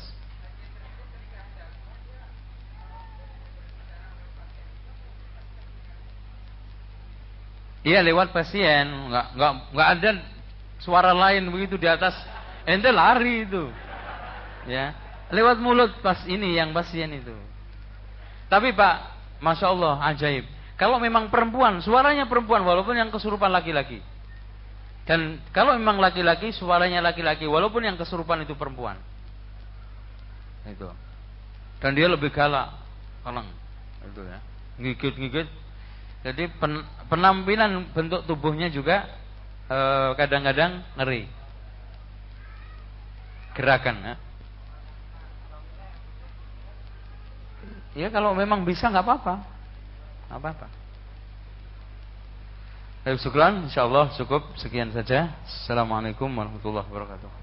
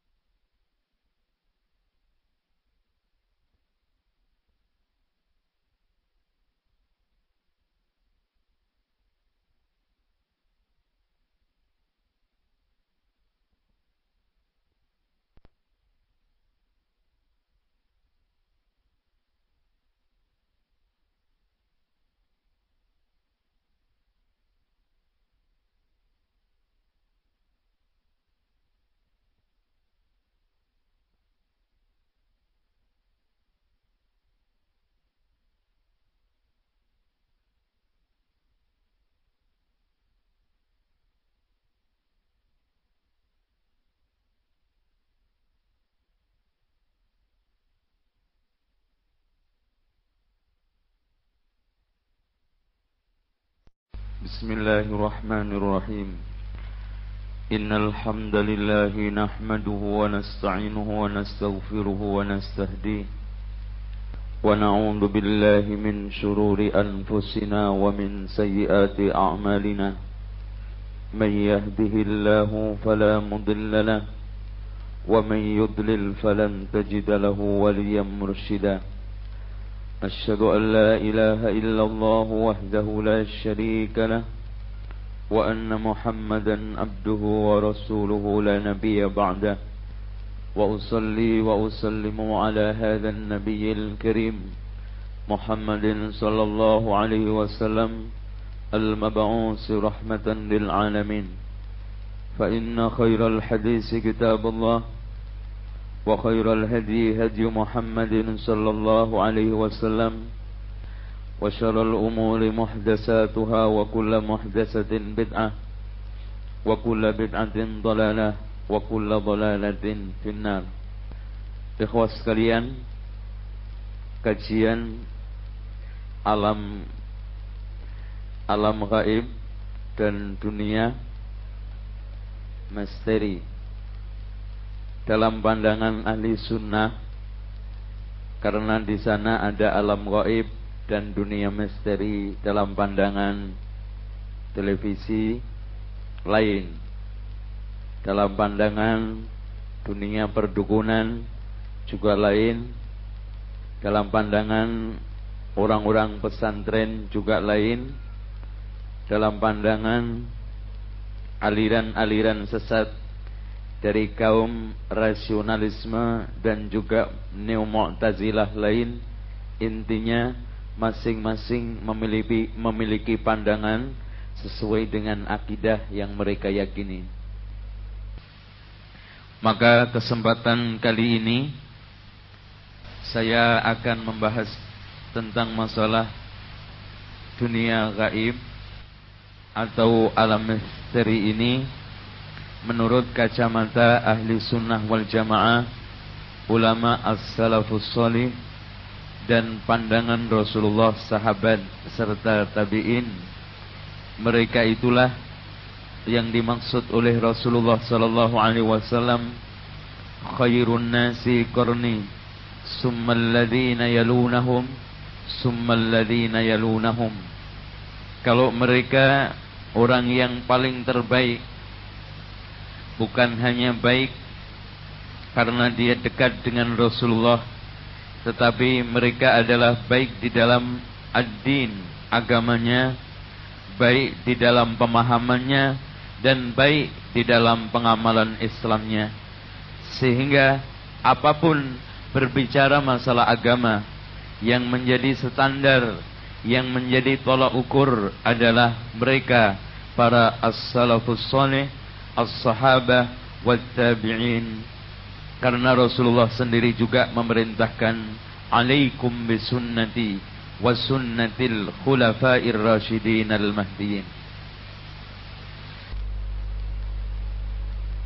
dia agak mendingan dibanding kemarin di radio. Nggak bisa ngomong makanya kemarin ceramahnya males. Hadirin sekalian Kenapa ketika panitia mengusulkan tema ini Saya sambut dengan baik? Pertama karena di sekitar daerah inilah isu kolor hijau beredar. Tidak tahu itu ke mana kolor hijaunya. Udah kalah kali hijau. Tinggal kolor kuning sama merah yang belum muncul Ini kolor biru yang mau muncul juga. Hati-hati banyak kolor. Kemudian yang kedua karena sekarang ini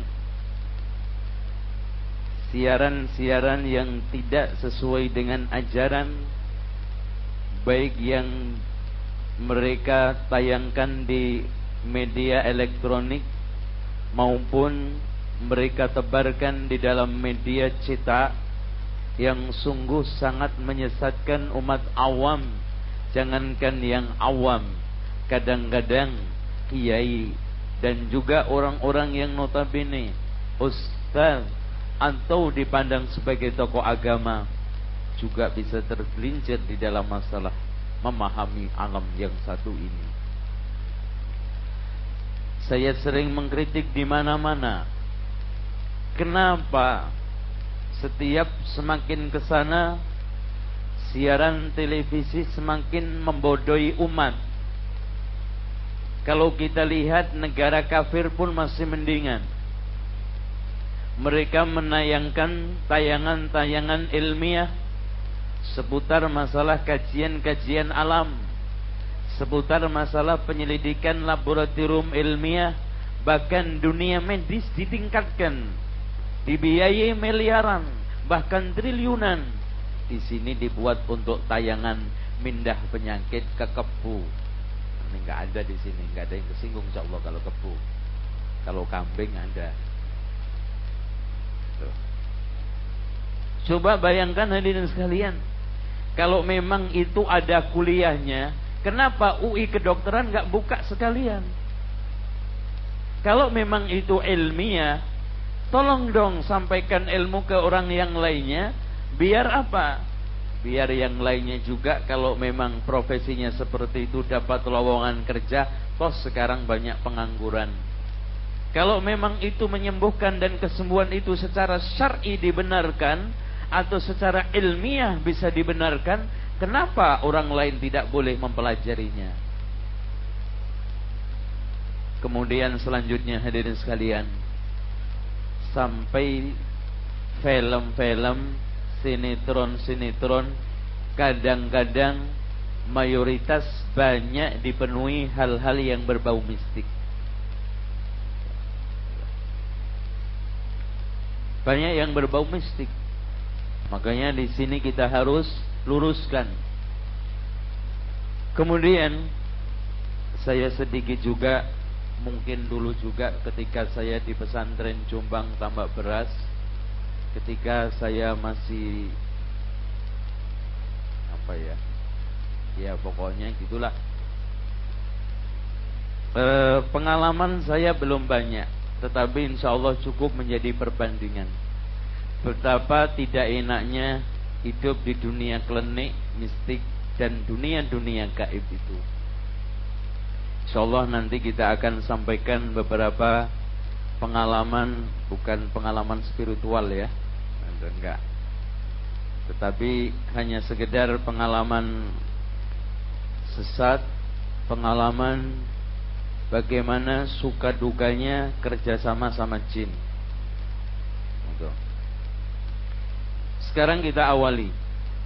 Ikhwat sekalian, pembicaraan seputar masalah alam misteri atau dunia gaib tidak terlepas kalau dipandang dari sisi kacamata ad-dinul Islam atau kacamata ahli sunnah wal jamaah tiga pilar atau berangkat dari tiga permasalahan inti. Yang pertama, motivasi dan dorongan iman terhadap gaib di mana itu adalah fondasi ad-dinul Islam. Alladzina yu'minuna bil ghaib. Wa yuqimuna as-salata wa mimma razaqnahum yunfikun yaitu mereka-mereka adalah yang beriman terhadap al-ghaib. Dan di antara al-ghaib adalah uh, yang dimaksud di sini al-ghaib adalah iman terhadap malaikat, iman terhadap cerita-cerita sebelum dan sesudahnya. Nanti akan ada dajjal dan termasuk iman terhadap gaib adalah kita harus beriman bahwa jin itu ada. Namun hadirin sekalian, sebelum kita lanjutkan karena sengajanya memang uh, sebut Masya Allah Subhanallah Tolong tanda-tanda kena jin itu biasanya suka ngantuk Ya Ya, ya bawaannya itu ke mana-mana ngantuk berdiri aja ngantuk. Tapi kadang-kadang ngantuk itu ada yang kawan bayi. Dari sononya. Ada ada yang kadang kepegelan. Makanya kalau mau ngaji tabligh akbar Antum tidurnya jangan begadang ini nonton sepak bola ya. Ayo ketahuan loh. Itu sepak bola itu juga termasuk pemicu datangnya jin.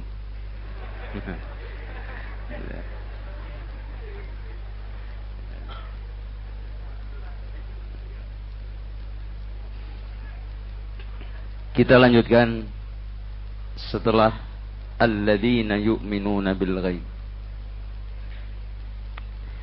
Bilal Arto uh, inti permasalahan yang kedua Kenapa kita membahas masalah alam gaib dan dunia misteri ini? Al-imanu bil qada wal qadar khairihi wa syarrihi sebelum kita menyeburkan di dalam pembahasan masalah ini, kita harus camkan bahwa apa pun yang terjadi di alam ini, sampai yang terjadi pada diri kita atau jin menimpa kita itu tidak lepas biqada'illahi wa qadarihi. Makanya Allah mengomentari tentang seputar masalah sihir wa ma hum bidarrina bihim illa biiznillah. Tidak akan mereka memberikan bahaya kecuali atas izin Allah Subhanahu wa taala. Kemudian yang ketiga, kita harus samkan bahwa as-sabru ala aqdarillah, sabar terhadap takdir-takdir Allah itu kunci di dalam menyelesaikan segala sesuatu. Dengan demikian, iman terhadap gaib, percaya terhadap takdir, kemudian sabar terhadap ketetapan dan segala ketentuan Allah, kunci permasalahan, inti permasalahan di dalam masalah al-iman bil ghaib, al-iman bi qadarihi wa qadaihi, kemudian as-sabru ala aqdalillah, ini menjadi pilar utama pembahasan dunia gaib atau alam misteri ini.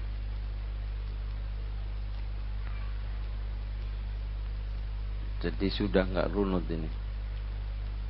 Tadi dipisah tadi. Oke, sekarang langsung kita antum sudah sering mendengar membahas masalah alam jin ya? Sudah sering? Belum. Kalau sudah sering nggak usah dibahas. Kalau belum kita bahas. Hadirin sekalian, pernah ada satu kejadian jin sedang diruqyah yang nyurup pada diri seseorang kemudian di antara isi dialog itu dia kecewa banget sama manusia Kenapa saya digambarkan di dalam film, di dalam gambar-gambar itu selalu makhluk yang mengerikan? Katanya dia. Padahal saya itu biasa dan memang betul jin itu makhluk biasa. Cuman beda alamnya gitu aja. Tapi digambarin kadang-kadang kepalanya aneh-aneh, terus keluar apa? E, keluar ini apa? Taringnya, ludahnya besar. Ini semuanya nggak ada. Jin sendiri tidak terima. Makanya kebanyakan umat kita ini takut sama jin itu bukan karena tahu alam jin itu sendiri, karena sering melihat film horor. Betul. Jadi sampai ada orang yang takut mau masuk rumahnya sendiri. Nah nanti kita akan bahas ternyata di mana-mana itu ada, ada jin. Kenapa kita harus takut sama jin? Enggak perlu. Ya. Sekarang kita akan bahas jin adalah alam bukan manusia, bukan malaikat, akan tetapi alam tersendiri. Ini tentang masalah jin Dikomentari oleh Allah di dalam surat Al-A'raf ayat 27. Ya Bani Adam. Wahai anak Adam. La yaftinannakumus syaitanu. Janganlah kalian terfitnah atau janganlah kalian difitnah oleh syaitan kama akhraja abawaikum minal jannah seperti syaitan telah berhasil mengeluarkan kedua orang tuamu maksudnya Adam sama Hawa minal jannati dari surga. Anhuma libasahuma. Dan setan itu berhasil menarik berhasil melepas pakaian kedua orang tua kamu liyuriyahuma sawatihima agar mereka agar dia bisa melihat maksudnya aurat ya karena setelah masuk di surga kemudian berhasil digoda oleh iblis maka Allah menarik pakaian sehingga Adam terlihatlah auratnya dan tidak keluar dari surga kecuali berhasil menutup kemaluan saja. Ini di dalam riwayat tafsir Al-Baghawi.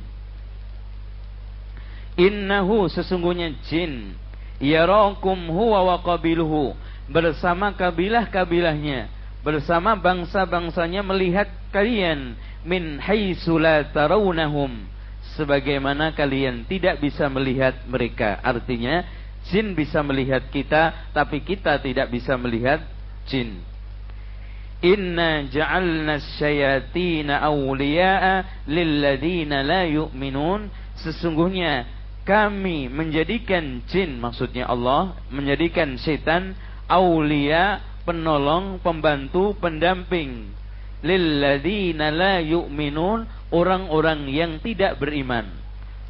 Dari ayat ini bisa banyak kita ambil kesimpulan bahwa yang namanya setan itu tidak ada yang benar memfitnah kita, menjerumuskan kita ke dalam neraka dan mengeluarkan kita dari surga sebagaimana dulu dia berhasil mengeluarkan Adam dan Hawa dari surga. Kemudian yang kedua, kita tidak akan bisa melihat jin dalam bentuk apa pun. Maksudnya dalam bentuk aslinya. Dalam kondisi apa pun tidak bisa. Namun Syekh At-Tayyar mengatakan kalau tidak dalam bentuk aslinya tetap bisa dilihat. Jadi yang dimaksud ayat ini adalah dalam bentuk aslinya. Artinya kita tidak akan bisa melihat syaitan jin dalam bentuk aslinya. Tetapi kalau menjelma tidak ada satu ulama pun ahli sunnah wal jamaah yang mengingkarinya kecuali beberapa orang yang termakan oleh pemikiran orientalisme atau mengikuti uh, pemikiran rasionalisme atau mengikuti pemahaman Mu'tazilah. Dan dari ayat ini juga bisa kita ambil kesimpulan apa pun bentuk kerjasama dengan jin itu hanya dilakukan orang-orang yang la yu'minun. Berarti di sini bentuk kerjasama dengan jin apa pun ya bentuknya itu akan mengakibatkan hilangnya iman, kurangnya iman, bahkan hanya layak dilakukan orang-orang yang la yu'minun tidak beriman. Hadirin sekalian, perlu kita ketahui bahwa jin adalah makhluk yang terhina. Makhluk yang lebih rendah daripada manusia. Sebagaimana yang dikatakan oleh Syekh Abu Bakar Al-Jazairi. Innal jinna hatta salihin. Sesungguhnya jin walaupun tingkatannya paling soleh minhum di antara mereka la aqalla wa adna karamatan wa syarafan minal insi lebih rendah, lebih terhina ketimbang manusia. Apalagi Allah telah menetapkan walaqad karramna bani adama wa hamalnahum fil barri wal bahri wa razaqnahum minat tayyibat wa faddalnakum ala kathirin mimman khalaqna tafdila Jadi ayat ini ikhwah sekalian tidak ada kesempatan lagi kita harus hormat. Kita harus mengagungkan apalagi memuja kepada jin. Makanya seluruh permintaan bantuan tidak mungkin kecuali pasti mengandung unsur dosa. Antum bisa lihat di dalam surat Al-Jin ayat 6. Wa annahu kana rijalun minal insi ya'udzuuna birijalin minal jinni fazaduhum rohaqa. Sesungguhnya ada sekelompok laki-laki dari kalangan manusia meminta bantuan kepada laki-laki kalangan jin tidaklah menambah bantuan itu kecuali rohaqa.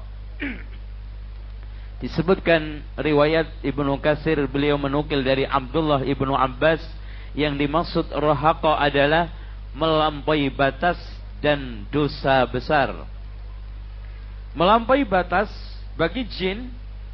Jin kan rendah, hina. Kalau dipuja disanjung oleh makhluk yang halu, yang yang hebat, yang bagus, yang terhormat, melonjak. Melampaui batas.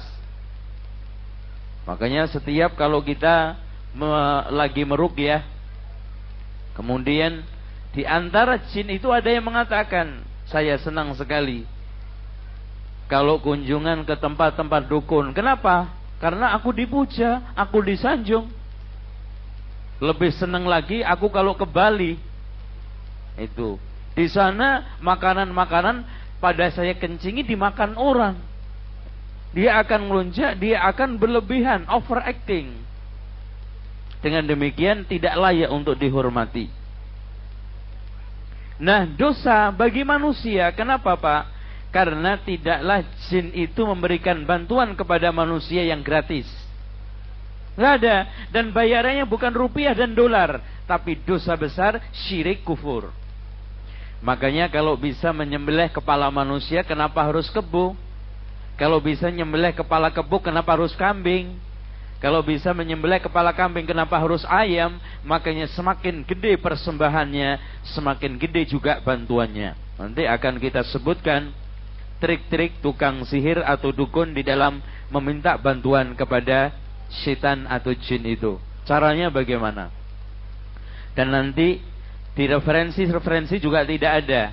Adanya ini memang langsung kita harus jebur ke tempat-tempat orang-orang yang telah berpengalaman seperti ini. Gak ada bukunya. Nanti makanya sebagian yang saya sampaikan gak ada bukunya.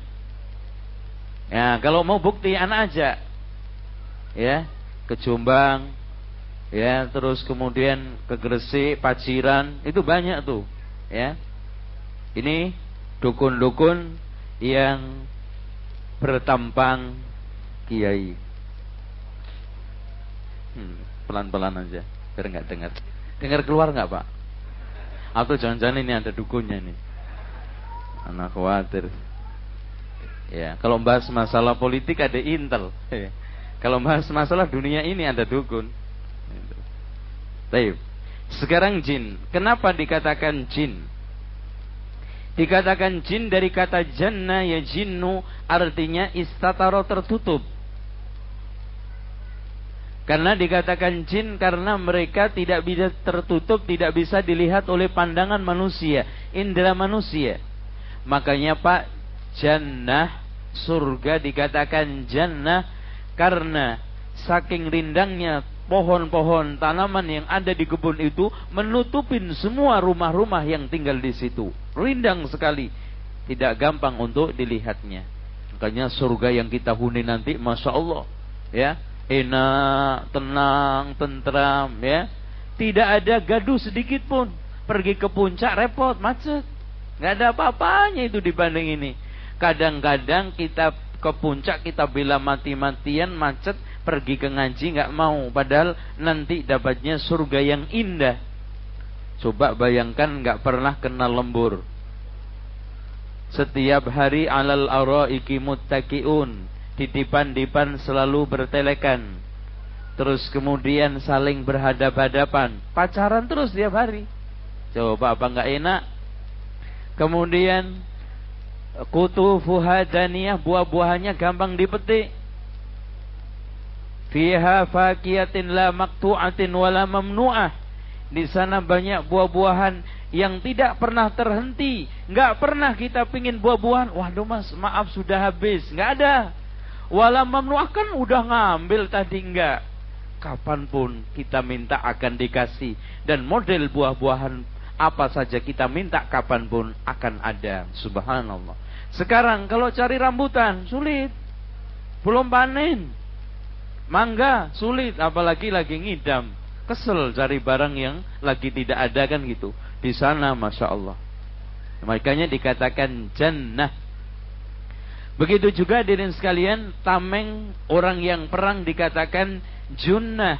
Asyamu junnatun karena tempat untuk bersembunyi pasukan supaya tidak diserang tombak-tombak pedang-pedang musuh. Makanya dikatakan junnah.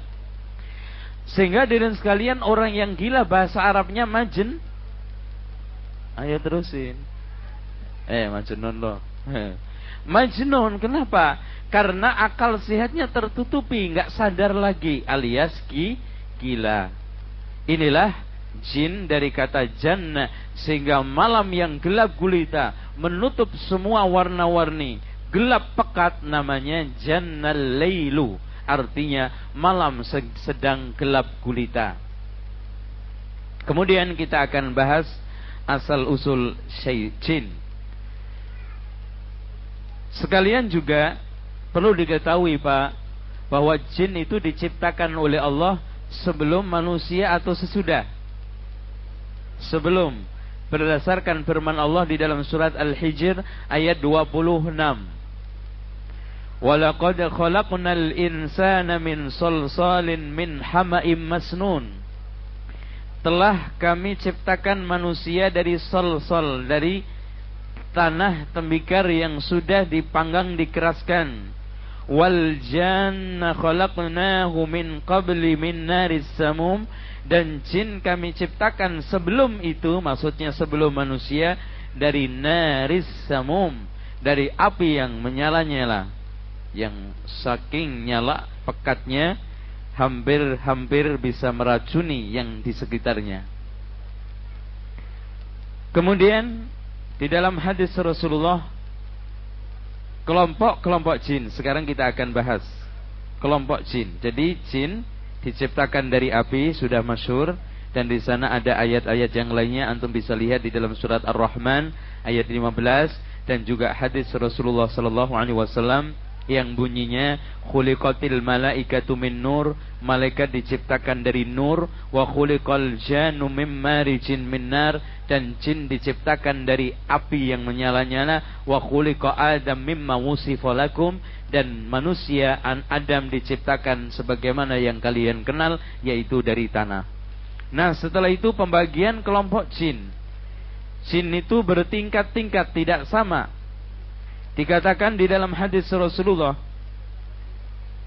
yang juga hadis ini diriwayatkan oleh Imam At-Tabrani di dalam sunan ini Al-Mu'jamul Kabir Al-Hakim di dalam Mustadraknya dan juga Imam Al-Baihaqi fil Asma'i was Sifat bi isnadin sahih dengan sanad yang sahih. Al-jinnu thalathatu asnaf jin itu ada tiga kelompok ada tiga tingkat Wasinfun yatiru fil hawa satu kelompok yang bangsa terbang di luar angkasa.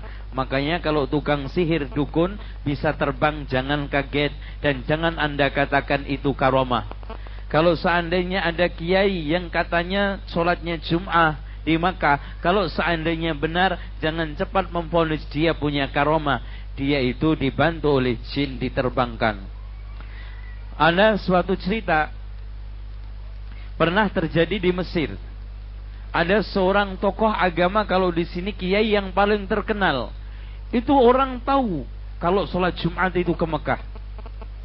Terbang, betul. Ternyata hadirin sekalian, ilmu kewaliannya diwariskan kepada anaknya dan anaknya ngerti belajar ilmu agama. Akidahnya bagus. Setelah ilmu itu diwariskan dan diterima ternyata selama ini orang tuanya, bapaknya yang tokoh terkenal dianggap memiliki karomah, selalu kerjasama dengan jin. Setiap ingin terbang, si jin itu minta sodomi. Jadi orang tuanya disodomi. Pokoknya kalau mau terbang sodomi dulu. Masya Allah. Subhanallah. Makanya hadirin sekalian tidak ada bantuan jin itu yang gratis. Coba kalau disodomi. Masya Allah itu. Terbang ya. Bahkan di antara mereka ada yang disuruh setiap bantuan melempar ayam hitam ke sumur. Nanti kita akan jelaskan itu semua. Itu. Pernah juga ada yang dianggap wali di daerah Jawa Timur. Itu hadirin sekalian ternyata dia itu selama ini mengklaim saya itu sholat Jumat ke Mekah. Ternyata ada seseorang yang sama-sama punya ilmu sama. Dia lihat disangkutin di pohon bambu, di atas bambu. Dihayalkan nama setan, sama jinnya kayak kayak sholat di Masjidil Haram. Tersesat. Masya Allah kasihan itu. Nangkring di pohon ini, eh, di pohon bambu, Ternyata hayalannya nyampe ke Makkah dibikin hayal. Dan bahkan sulapan-sulapan itu kan hayalan dari jin. Nah nanti datang kepada santrinya Alhamdulillah Saya sudah selesai sholat Jumat Imamnya tadi siapa Pak Yai Nggak tahu tadi cuman saya belakang Kalau nanti ke depan banget Khawatir nggak bisa pulang katanya Ada aja itu. Padahal nggak paham nggak tahu Wong sekarang sholatnya aja nggak persis waktunya. Wong sekarang berangkatnya aja jam setengah dua belas. Di sana jam berapa mas? Eh? Masih jam setengah sepuluh. Pulang jam satu belum masuk Jumat di sana. Enak aja loh Pak Yai. Sholat Jumat di mana? Ono belum masuk waktunya. Itu. Tapi santrinya juga sama-sama bodohnya jadi bodoh bareng-bareng. Itu percaya aja. Saya dulu juga termasuk percaya, masya Allah. Iya ya. Baru tahu setelah di sini tak dihitung waktu perbedaan antara Saudi dengan uh, mana Indonesia itu 4 jam. Iya ya. Kiai saya yang dulu sholat Jumat ke Mekah itu gimana dulu? Enggak nyambung. Itu bodoh sampai jam aja nggak tahu itu saking bodohnya, masya Allah. Nah ini, ini bagus ini ya. Terima kasih. Iya, cocok ya, masya Allah. Ini nggak ada, nggak boleh diputar-putar. Kalau di pesantren disisain sedikit, Duh, dua, masya Allah. Ini untuk tarbaruk ini satunya. Ewa sekalian, ada lagi satu kiai, anak juga pernah ke sana. Dulu ya, saya buat cerita untuk ngajak antum tidak dulu dan ini saya sudah kapok. Jadi ini saya kasih catatan kaki besar ya, catatan kaki besar sebesar kebu, udah. Atau sekalian gajah. Pokoknya nggak mungkin ke sana. Ada namanya itu Pak, saya datang ke sana itu jarang orang yang dengan mudah ditemui. Ya, jarang orang dengan mudah ditemui. Kadang-kadang ada yang nunggu sampai tiga hari, empat hari, seminggu nggak ditemu-temui ya orang-orang NU yang tahun dekade tahun 70-an ya kira-kira pemudanya zaman-zaman itu tahu itu itu kiai yang terkenal dan termasuk ya itu kiai yang tukang bikin baju ontokusumo itu loh baju yang kayak semartu yang ada tulisannya untuk pengibawaan itu anak punya juga di rumah itu terus kemudian hadirin sekalian ada juga kiai yang bisa berubah jadi buaya.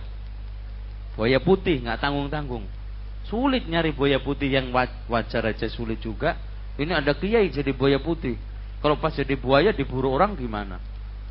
Itu ada sekalian guru utama Torikoh Naksabandiyah dan Qadariyah di Surabaya. Itu juga diyakini memiliki kesaktian, memiliki karomah keajaiban seperti ini kalau sholat Jumat ke Mekah. Nah saya datang ke sana ditemui. Dia pakai pakaian hitam-hitam. Mau sholat Jumat kurang setengah jam. Bawa apa namanya bawa celurit. Terus pakai pakaian mau ke sawah itu mau ke mana Pak Yai? Itu ya. Mau ke sawah katanya. Duh, sholatnya di mana? Kata orang. Antum jangan tanya sholat. Ini mau sholatnya ke Mekah. itu masya Allah ya udah anak udah khawatir itu anak jangan kualat tadi tanya aja kualat itu bisa-bisa iya takut ya ki nah setelah itu tegang kita ini.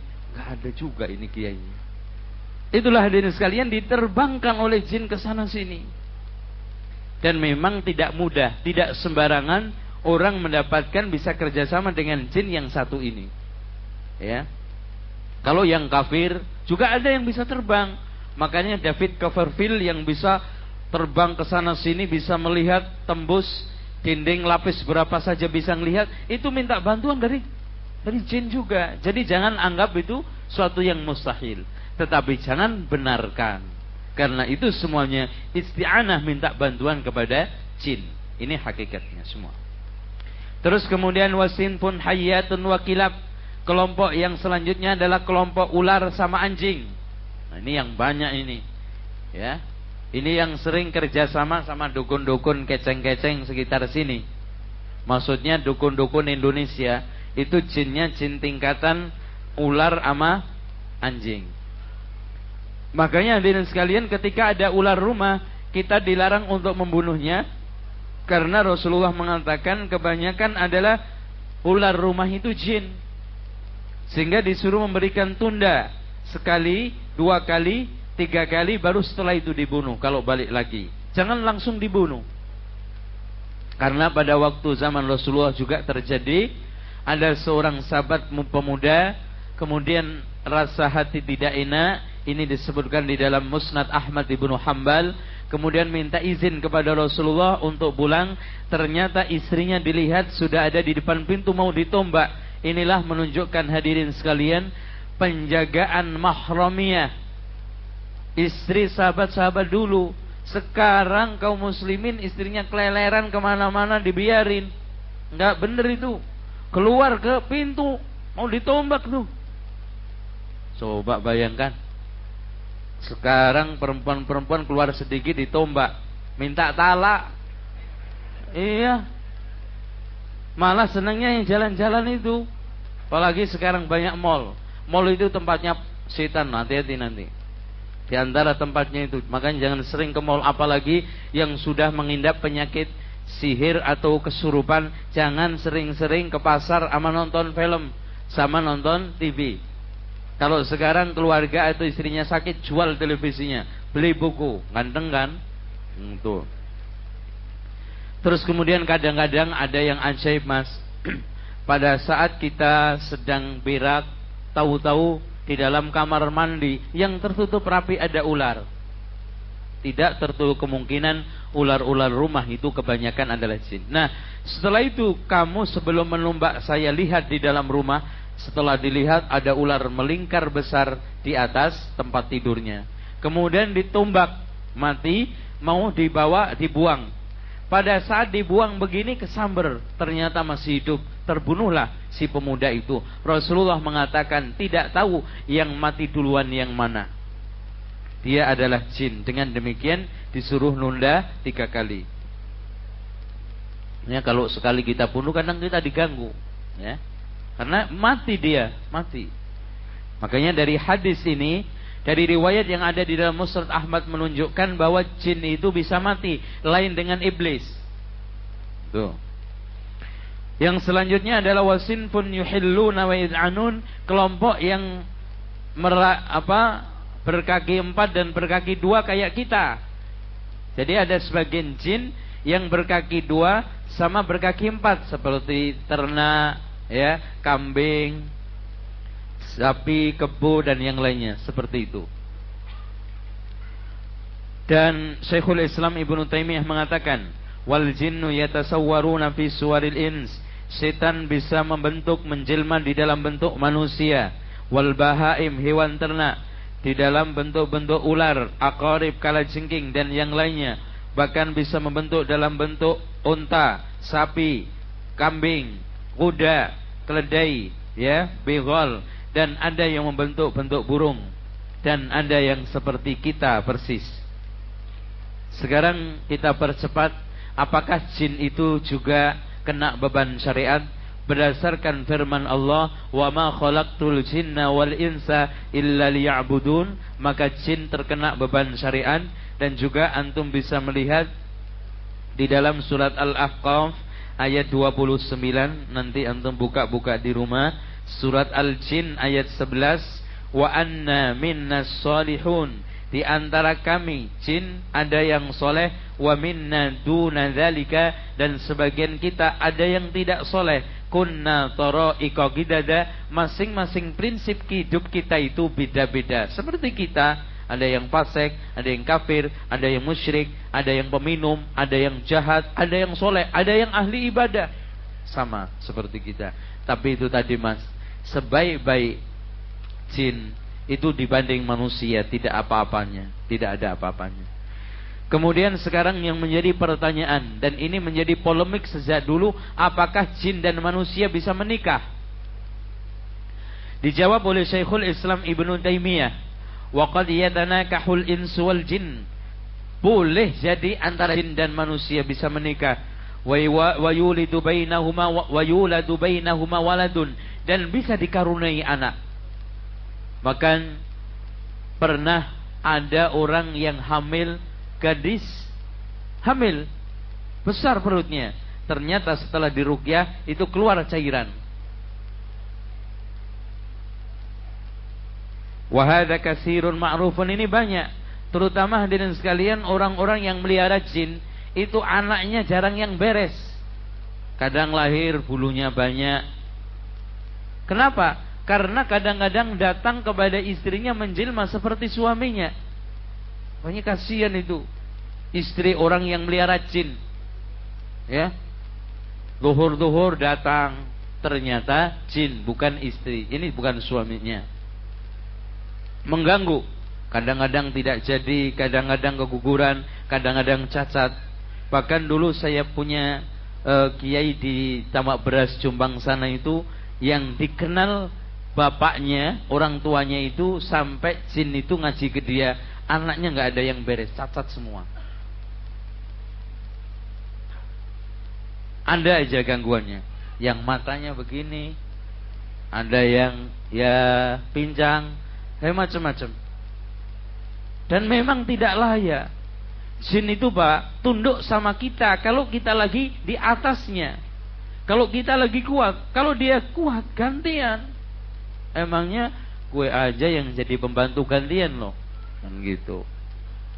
Hanya pernah cerita juga di Krian sana. Ini cerita sahih. Ada orang yang Masya Allah setiap saat kalau siang itu mendapatkan kiriman-kiriman makanan enak. Termasuk es campur duhur-duhur di sawah. Tetangga sawahnya pada ngiri. Suatu ketika dia muntah darah di sawah. Digebuk sama. Karena dia sudah di atasnya. Makanya jin itu mau tunduk kalau memang yang sekarang ini memelihara dan memperalat dia masih kuat. Kalau sama-sama kuatnya ngelawan. Ya, seperti kita, ya. Kalau kita sekarang jadi bawahan. Kalau ada kesempatan untuk di atas, ke mana? Lonjak. Dengan demikian, Syekhul Islam Ibnu Taimiyah lebih menguatkan Pak, jin dan manusia itu bisa menikah. Anda terjadi pernikahan dan punya anak. Namun tentang masalah boleh atau tidak kita sengaja akad nikah dengan jin. Itu para ulama mengatakan tidak boleh karena maslahatnya lebih sedikit daripada madorotnya. Contoh hadirin sekalian kalau waliman gimana kita menghadiri undangannya? Tahu-tahu kita dikasih suguhan makanan ternyata itu tai kebo kan gitu dimakan. Dan juga hadirin sekalian kalau nanti punya anak iya kalau ikut kita bisa dilihat. Kalau ikut dia giliran kita perintah sholat bandel kita gebuk ngilang. Repot kan? Aduh mana ini dia? Kita dikerjain terus tiap hari. Nggak ada maslahatnya. Makanya di sini tidak boleh. Sekarang kita lanjutkan tempat-tempat jin. Nah ini.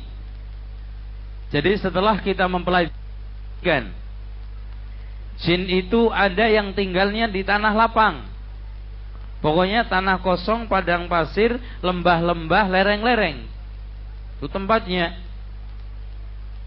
Makanya di zaman Arab dahulu jahiliyah sebelum datangnya Islam, mereka melakukan persembahan-persembahan atau sajen-sajen ke lembah-lembah ke gunung-gunung. Bahkan orang-orang jahiliyah dulu kalau lewat gunung atau lewat sesuatu yang dianggapnya angker pamit, permisi. Di sini juga ternyata sama. Ada orang masya Allah lewat jembatan ngebel terus. Dididit gitu ya. Ngebel. Loh nggak ada mobil, nggak ada orang. Ini kan ada penunggunya pak. Ya. Kata orang Jawa, ada yang bau rekso. Yang bau rekso itu yang jaga. Pamit. Biasanya mbak, permisi mbak. Itu ya. Pamit. Ya. Tahu-tahu mbahnya lagi eh, eh.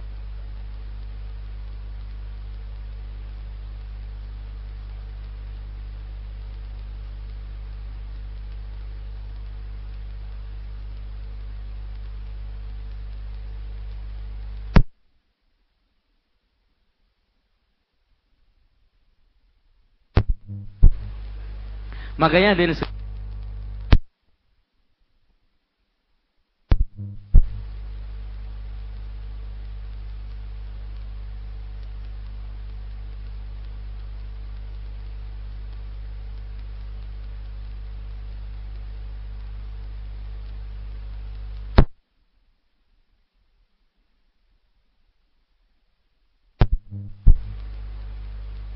itu ya pamit ya Tahu-tahu mbahnya lagi eh, eh nggak tahu. Ya.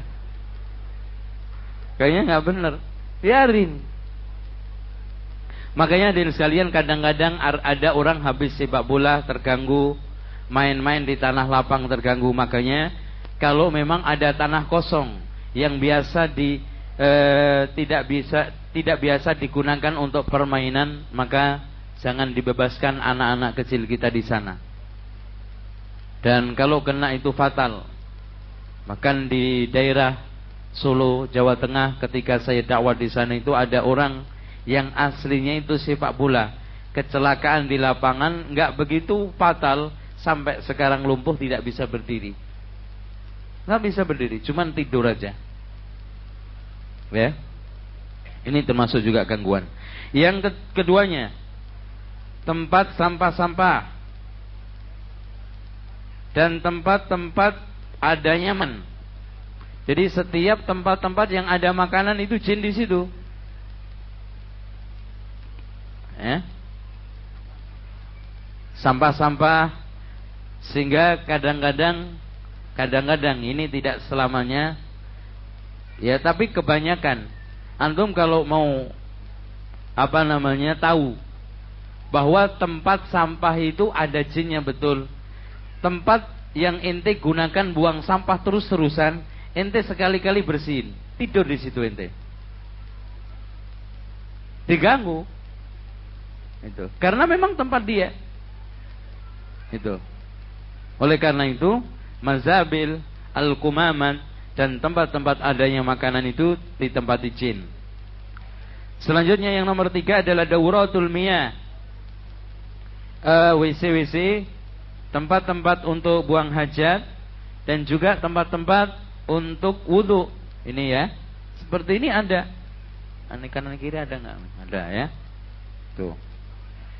Kemudian yang keempat alam jin yang keempat adalah asyukuk wal juhur, yaitu tanah-tanah yang e, retak, lubang-lubang itu tempatnya jin. Kecuali lubang WC itu ya. Itu itu jelas dibikin, jadi jangan takut. Kalau berak di situ emangnya untuk kita. Kalau seandainya jin nyasar di situ salahnya. Kan gitu. Wong ini sudah saya siapkan untuk itu kok. Tapi yang yang banyakkan itu yang di biasanya kalau musim kemarau tanah tanah itu pecah-pecah atau lubang-lubang, makanya di antara jin ada yang ganggu karena dia dikencingin. Ya, kencing di lubang itu. Cur begitu. Oh kurang ajar gue dikencingin. Awas lo gue cekik nanti. Ya akhirnya dikerjain kalau nggak anaknya ininya. Setelah ya kenapa kamu ganggu? Masa saya lagi enak-enakan istirahat dikencingin? Coba kalau dia dikencingin kan nggak tahu. Iya ya nggak tahu.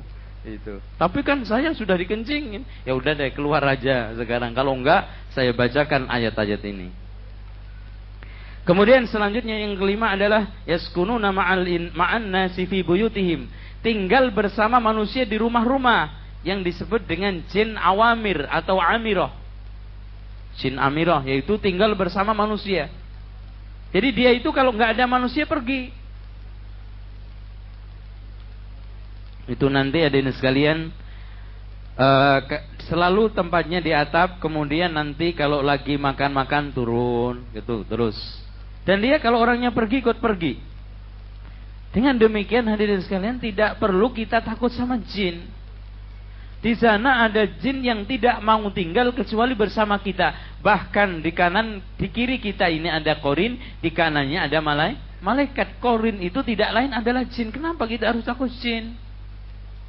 Cuman jangan ditantang-tantang gitu aja ya. Awas loh, ayo. Kalau ini jangan. Ya.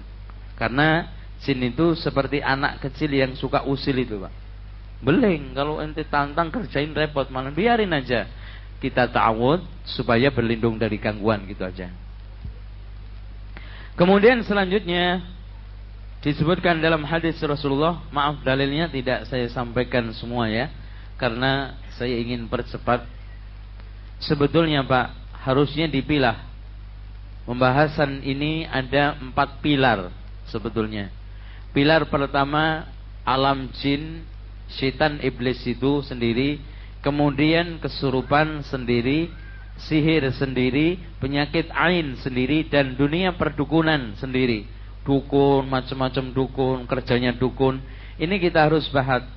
Cuman untuk waktu yang singkat ini maka e, mungkin barangkali nanti kita akan sampaikan secara global saja. Selanjutnya, tempat kandang, tempat tidurnya unta. Makanya Rasulullah mengatakan sallu fi marabitil ghanam. Salatlah kalian di tempat ini, di tempat-tempat kandangnya kambing. Wala tusallu fi a'tanil ibil. Jangan sekali-kali kalian salat di tempat kandang unta. Kenapa alasannya di situlah tempatnya syaitan. Kemudian yang ketujuh al-amakin al-mahsyurah, tempat-tempat yang ditinggalkan oleh tuannya. Artinya tempat-tempat yang sudah tidak dihuni, rumah-rumah kosong, pos-pos kamling yang tidak dihuni lagi itu ditempati oleh jin. Kemudian yang kedelapan adalah al-maqabir, kuburan. Makanya di sana ada jin kuburan khusus yang sering dipermainkan oleh orang-orang yang main sinetron di kuburan itu. Itu ya. Bahkan dikatakan oleh Syekhul Islam Ibnu Taimiyah, kebajangan jin tinggal di tempat-tempat tanah lapang, di kuburan dan di tempat-tempat najis dan juga tempat-tempat buang sampah. Ini dikatakan oleh Syekhul Islam Ibnu Taimiyah. Nomor sembilan di pasar. Dikatakan oleh Rasulullah Sallallahu Alaihi Wasallam hadis ini diriwayatkan oleh Imam ini Salman Al Farisi dikeluarkan oleh Imam Al Haythami di dalam Majma'uz Zawaid. La takunanna in istata'ta awwala man tadkhulus suqa jika di antara kalian mampu jangan orang yang pertama kali masuk pasar wala akhiru man yakhruju minha. Orang yang paling akhir keluar dari pasar. Fa innaha ma'rakatus syaitan karena di situlah tempat pertempuran syaitan. Wa fiha yansibu rayatahu dan di situlah tempat orang bertempur dan e, menancapkan benderanya. Ikhwas sekalian, makanya kalau kita lihat di pasar-pasar itu sering terjadi hipnotis, sering terjadi gangguan-gangguan. Karena di situlah pertempuran setan itu. Makanya nggak ada orang yang dihipnotis di masjid itu, jarang.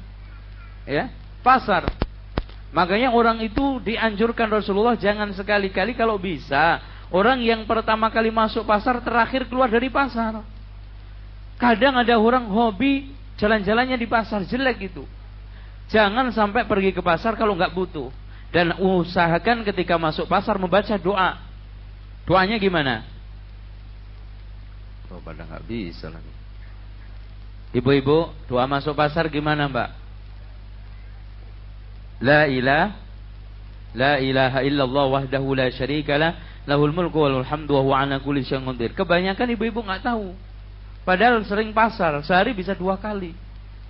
Makanya banyak yang pulang kesetanan. Itu ya. Istri ini suaminya yang kasihan. Terus sekarang waktu kerja setan. Kalau kita kerjanya pagi. Sekarang dengarkan hadis Rasulullah. La tursilu fawashikum. Janganlah kalian melepas binatang ternak kalian. Wasibiyanakum dan juga anak-anak kalian. Idza ghabatis syamsu. Ketika matahari terbenam. Hatta tadhaba fahmatul asa sampai betul-betul malam itu berjalan beberapa saat fa inna syayatina karena syaitan tamba'isu ketika itu mulai melu, ini keluar menyebar idza ghabatis syamsu hatta tadhhaba fahmatul asya sampai betul-betul malam itu datang. Makanya dianjurkan di dalam hadis yang lainnya anak kita kita rangkul, pintu, pintu kita tutup karena setan tidak bisa membuka pintu yang tertutup Kemudian juga wadah-wadah harus kita tutup. Kalau memang kosong kita harus telungkupkan dan kita membaca bismillah. Kalau memang kita tidak menemukan, pokoknya harus kita letakkan sesuatu yang menghalangi begini. Ya. Dan matikanlah lampu-lampu karena setan kadang-kadang masuk ke tikus apalagi lampu-lampu yang terbuat dari itu minyak itu biasanya masuk ke tikus, kemudian dia ke sana sini merusak sehingga terbakar dengan lampu itu rumah kita. Maka anjuran Rasulullah untuk memantikan lampu di situ. Sekarang uh, uh, yang dari pengurus coba coba lihat. Tolong dilihat di sini cara menangkal gangguan jin dan setan supaya saya tidak usah mengulangi ini cara-cara untuk menanggulangi uh, gangguan jin sama setan.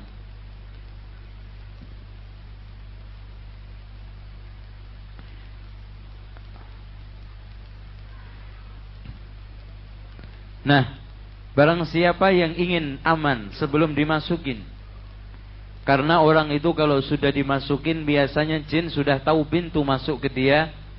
Maka orang yang telah kesurupan atau sudah kena sihir itu harus lebih ekstra hati-hati. Sebelum kena antum perhatikan poin-poin yang telah tertulis di dalam makalah atau selebaran yang ada di depan antum semuanya. Terutama ikhwas sekalian ta'awud ta'awud. Ta'awud sebelum masuk ke rumah baru A'udzu bikalimatillahi tammati min syarri ma khalaq. Entah antum mau kemah atau ke puncak kemudian tinggal di suatu villa, intinya mau tinggal di rumah baru, jangan lupa membaca doa A'udzu bikalimatillahi tammati min syarri ma khalaq. Kemudian ta'awud pada waktu kita itu terkena gangguan atau pada saat kita itu mimpi tidak enak.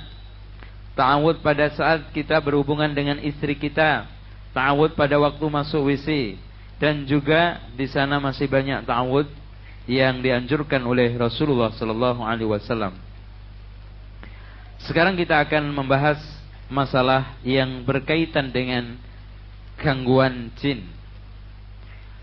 Hadirin sekalian, gangguan jin itu sangat banyak sekali ya.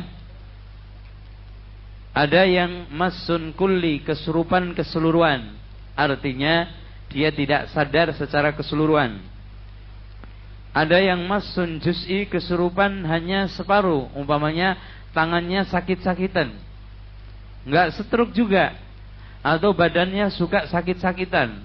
Ini namanya kesurupan juz'i.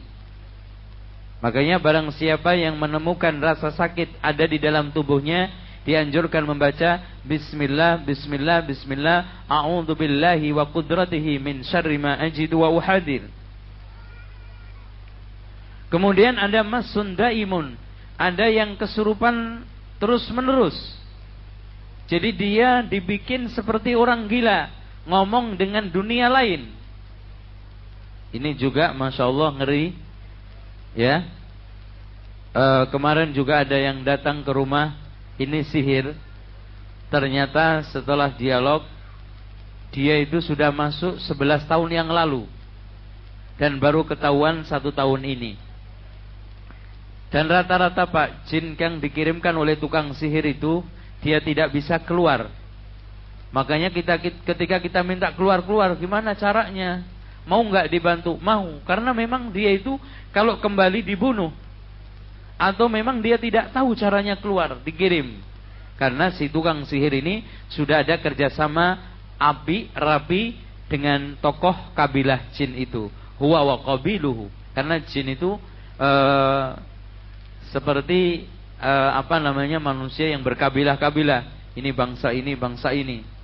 Sehingga dukun itu rata-rata kalau mau menyembuhkan orang biasanya ditanya namanya siapa. Terus kemudian ibunya siapa, bapaknya siapa. Ini tujuannya untuk mencari mengecek daftar dia itu masuk ke kabilah mana ini gangguan. Itu dikasih. Ini dicari nanti di dalam komputer, tek-tek begitu. Ternyata jin juga canggih itu. Oh ternyata si fulan ini masuk ke daftar gangguan kabilah ini. Berarti kalau mau minta bantuan supaya keluar, jangan datang ke saya, sono.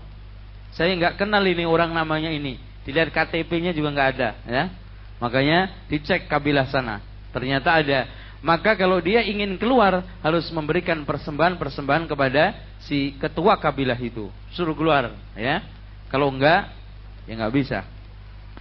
Ada juga masun taifun artinya orang itu dibikin kaget-kaget atau dibikin kadang-kadang uh, ini kadang-kadang kumat, kadang-kadang tidak. Selanjutnya hadirin sekalian uh, kita akan membahas tanda-tanda orang kesurupan. Secara umum tanda-tanda kesurupan orang itu kalau dengar azan atau dengar bacaan Al-Qur'an gemetar, kepala pusing. Itu kalau dengar azan. Tapi adanya bukan azan yang itu malah seneng jinnya. Adzan yang benar-benar ya. Ada kadang-kadang adzannya masya Allah meliuk-liuk sampai nggak nggak bisa didengar.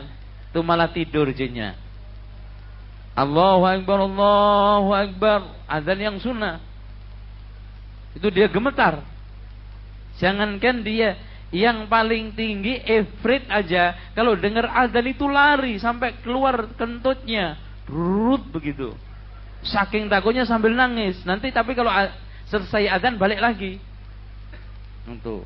Makanya di sini mendingan setan jin kalau dengar azan masih takut. Setan manusia ini yang kebangetan. Dengar azan malah ngambil gitar. Repot. Nah, dibacakan kalau dibacakan Al-Quran terutama ayat-ayat yang terkait dengan jin sihir itu biasanya diawali dengan kepalanya pusing. Terus gak mau mendengarkan. Kayaknya ada gangguan pendengarannya itu. Ada yang mengatakan jangan dengar. Jangan dengar ya. Kayaknya orang-orang yang benci dengerin Quran itu ada jinnya semua tuh. Itu. Nah jin itu bentuknya di dalam hati dia menciptakan was-was atau memang jin sengaja mengganggu menyakiti. Kemudian kita deteksi yang selanjutnya pada saat dia bangun. Biasanya dalam kondisi wajar, waras, sehat, bangun seperti ini, satu al-arak wal qalak, dia itu selalu dibikin stres, galau, ini gelisah. Itu cirinya pertama. Jadi galau, gelisah dan suka dibikin ketakutan. Tetapi takut apa? Enggak jelas. Kemudian yang kedua biasanya senang menyendiri, ya, senang uzlah. Senangnya menyendiri, uzlah, tidak mau nyampur sama orang lain. Ya. Kemudian yang ketiganya as-suda daim. E, dia itu selalu menderita kepala sakit terus-terusan. Ya, sakit terus-terusan, dipijat, diobatin, tidak pernah sembuh. Kemudian yang keempatnya yang paling banyak ini juga adalah al-khumul wal kasal. Dia dibikin itu malas ya. Terus eh, penampilannya itu tidak pernah rapi ya, hos-hos ya. Malas mandi. Makanya orang kalau sudah malas mandi hati-hati. Itu awal kena jin. Ya. Penampilannya itu biasanya dan sekalian tidak pernah rapi. Terus kemudian kalau kita lihat kamar kamar tidurnya itu juga nggak karu-karuan, hidupnya nggak teratur, kemudian dibikin malasnya setengah mati mau kerja malas apa-apa malas. Terlebih diawali dengan malas mandi. Asr wa tasannus. Kemudian kadang-kadang dia kesurupan, kejang-kejang, seperti orang ayanan, tapi dia tidak biasa ayanan. Maka kadang-kadang ayanan itu kadang e, penyakit jasmani, kadang-kadang penyakit rohani yang hasil gangguan dari jin itu. Terus kemudian tidak mau menjaga kebersihan yang saya katakan tadi. Bahkan hadirin sekalian, kadang-kadang tanda-tanda ini tidak ada sama sekali. Maka kita cek ketika kita ingin menyembuhkan orang yang kena kesurupan, kita cek tidurnya. Nah, tanda-tanda tidur selalu melihat makhluk-makhluk aneh. Melihat orang tanpa kepala. Atau kadang-kadang makhluk ya, melihat orang-orang yang aneh, mukanya jelek, atau melihat orang-orang yang sudah meninggal dunia. Kemudian yang kedua, ru'yah mimpinya itu sering membuat ketakutan terhadap mimpi. Mau tidur takut terhadap mimpi. Kemudian sering ketawa berlebihan. Kalau lagi diem, diem sekali. Tapi kalau ketawa kak nggak ada habis-habisnya. Ini juga termasuk tanda-tanda orang kesurupan. Terutama hadirin sekalian kadang-kadang tertawa pada waktu tidur. Ada.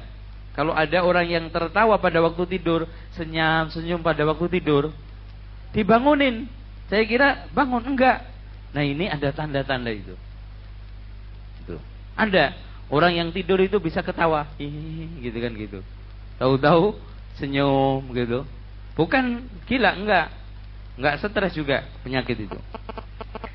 Kemudian pada saat kita melihat itu semuanya biasanya tanda-tanda yang kita lihat orangnya pemarah ketakutan yang pemarah yang sangat, ketakutan yang sangat, gembira yang sangat, lalai yang sangat, dan juga senang mengikuti syahwat dan suka menyakiti orang lain, ganggu. Itu orang-orang yang tanda-tanda kena gangguan kesurupan. Tentang masalah kesurupan, Pak, dalil-dalil kesurupan cukup banyak sekali di zaman Rasulullah. Pernah ada seorang perempuan yang datang ya yang minta didoakan oleh Rasulullah sallallahu alaihi wasallam agar disembuhkan dan juga pernah Rasulullah SAW menyembuhkan orang yang kemasukan jin kemudian dipukul oleh Rasulullah sambil dikatakan bahwa keluarlah wahai musuh Allah saya adalah utusan Allah maka jin itu keluar ini semuanya tidak bisa kita ingkarin karena terdapat di dalam hadis-hadis yang sahih hadis-hadis yang sampai kepada derajat mutawatir karena itu ada di dalam Bukhari dan juga Muslim. Wallahu a'lam bishawab. Selanjutnya hadirin sekalian, sebab-sebab orang kesurupan. Faktor jin itu mengganggu manusia ada enam faktor. Yang pertama, ujian dari Allah Subhanahu wa taala. Karena Allah menguji manusia itu bisa dengan penyakit, bisa dengan kurangnya rezeki dan juga bisa dengan makhluk yang lainnya mengganggu dia diserang dan yang lainnya kemudian yang kedua ini sekalian uqubatun minallah sanksi siksaan dari Allah karena akibat kemaksiatan yang dilakukan makanya di antara jin itu e, menimpa orang-orang yang jahat ahli maksiat karena sanksi dari Allah Subhanahu wa taala atas kemaksiatan kemaksiatan yang mereka lakukan. Makanya disebutkan dalam surat Az-Zukhruf ayat 36, "Wa may ya'shu an dzikrir rahmani nuqayyid lahu syaitanan fahuwa lahu qarin." Barang siapa yang sekarang ini uh, berpaling dari zikrul rahman, maksudnya mengingat Allah, maka Allah jadikan teman yang mengikat dia adalah syaitan. Kemudian yang ketiga, karena asmara. Makanya ada di antara jin yang masuk ke perempuan atau laki-laki karena alasannya saya cinta. Hati-hati, yang lagi didemenin sama jin ini hati-hati. Lagi disenengin sama jin, kalau disenengin sama manusia enak nikah. Ya. Dan ini paling sulit karena alasannya cuma satu yaitu cinta. Jadi lagi gandrung, lagi senang. Makanya dia dibikin untuk dimiliki dan mungkin dia beranggapan saya bisa menikah dengan dia. Kemudian yang keempatnya adalah al-mujazah wal intiqam karena sebab pembalasan balas dendam. Karena tadi mungkin di antara keluarganya yang disiram banyu panas atau air panas, ada yang dikencingin, mungkin tempat tinggalnya dibirakin, Kadang-kadang ada orang juga keterlaluan berak di lubang-lubang tuh, ya. Berak di tempat WC itu loh. Kalau mau berak ngawur, ya, jangan. Ya, itu tempatnya jin. Makanya nanti ada gangguan-gangguan yang ditimpakan ke kita.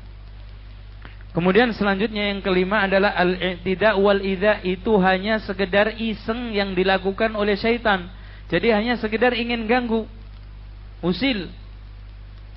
Kemudian yang terakhir karena jin masuk ke kita dikirim oleh tukang sihir dan inilah jin yang paling susah untuk dikeluarkan saya sering menamakan jin instalan diinstal oleh tukang sihir sehingga program itu nggak gampang dirusak itu kayak kirim virus gitu loh pak makanya harus di scan lagi ya harus disembuhkan ekstra hat ini apa namanya sabar berulang-ulang Kadang-kadang disembuhin keluar, ngundang lagi yang lebih kuat, masuk lagi, ngundang lagi, lebih kuat, masuk lagi. Kenapa? Jin yang diperbantukan banyak. Karena si tukang sihir itu minta bantuan langsung kepada ketua kabilahnya. Wah, datang lagi. Tuan, ini sudah kalah, tolong dikirimin lagi. Kirim lagi, masuk lagi, dan seterusnya. Makanya kadang-kadang keluar dua, masuk sepuluh. Kan gitu. Banyak masuknya ketimbang keluarnya. Inilah hadirin sekalian hal-hal yang menyebabkan uh, jin itu mengganggu kita.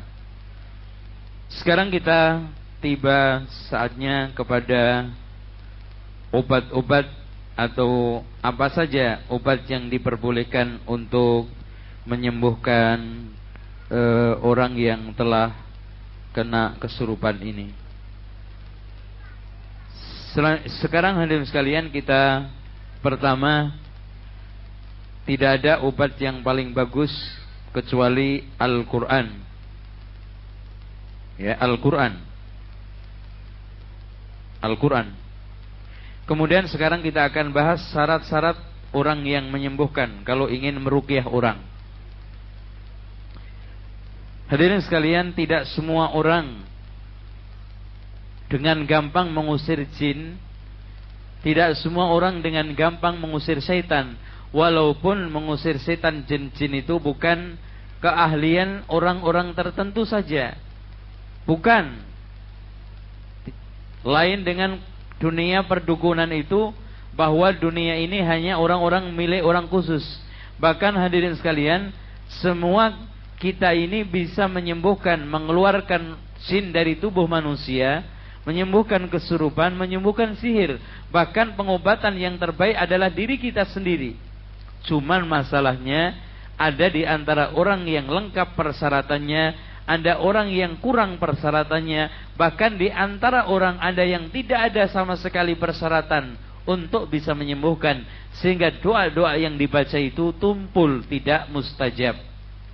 Maka sering saya mengumpamakan, Pak, Quran itu seperti pisau tajam. Tergantung yang sekarang ini ngiris. Kalau sekarang tangan yang digunakan untuk ngiris ini setruk, maka setajam apa pun pisau tidak akan bisa dibuat untuk me mengiris benda apa pun. Maka Quran itu merupakan pisau yang tajam. Harus diiris dengan orang yang begitu kuat. Kuat imannya, kuat persyaratannya. Insya Allah itu semuanya akan bisa terkabulkan. Di antara syarat yang pertama adalah husnul i'tiqad. Seorang roki atau orang yang meruqyah harus memiliki akidah yang baik. Nggak mungkin ikhwah sekalian orang yang sekarang ini akidahnya tauhidnya jeblok. Berbagai macam khurafat, berbagai macam bid'ah ada di dalam dirinya. Kesyirikan dilakukan tidak mungkin. Kalau seandainya ada orang yang mampu menyembuhkan dengan melakukan berbagai macam kesyirikan, kekufuran, ketahuilah itu bukan cara syariat akan tetapi cara-cara seperti yang dilakukan oleh dukun walaupun label dia adalah kiai atau yang disebut dengan alim ulama. Alhamdulillah bukan ulama. Alim ulama itu berlebihan juga ya, alimul ulama. Itu kan lebih dari al-allamah. Makanya antum jangan sering-sering mengucapkan alim ulama. Apalagi orangnya biasa-biasa saja. Nah ini. Maka ikhwas sekalian, kita itu kadang-kadang cukup malas menyembuhkan orang yang sakit itu keluarganya tidak siap akidah. Kenapa? Kalau tidak siap akidah, tidak siap terkondisikan Islam di rumah, itu disembuhkan nanti kita pulang balik lagi. Kadang-kadang cukup membuat kita itu kesel. Subhanallah hadirin sekalian, dia sedang kita sedang enak-enaknya menyembuhkan keluarganya nonton televisi. Cak, celek, cak, celek. Gak mungkin itu. Rumahnya ada gambar-gambar di tanggalan di ini. Ini semuanya tidak dibenarkan. Kemudian hendaknya seorang roki yang meruqyah ikhlas karena Allah Subhanahu wa taala.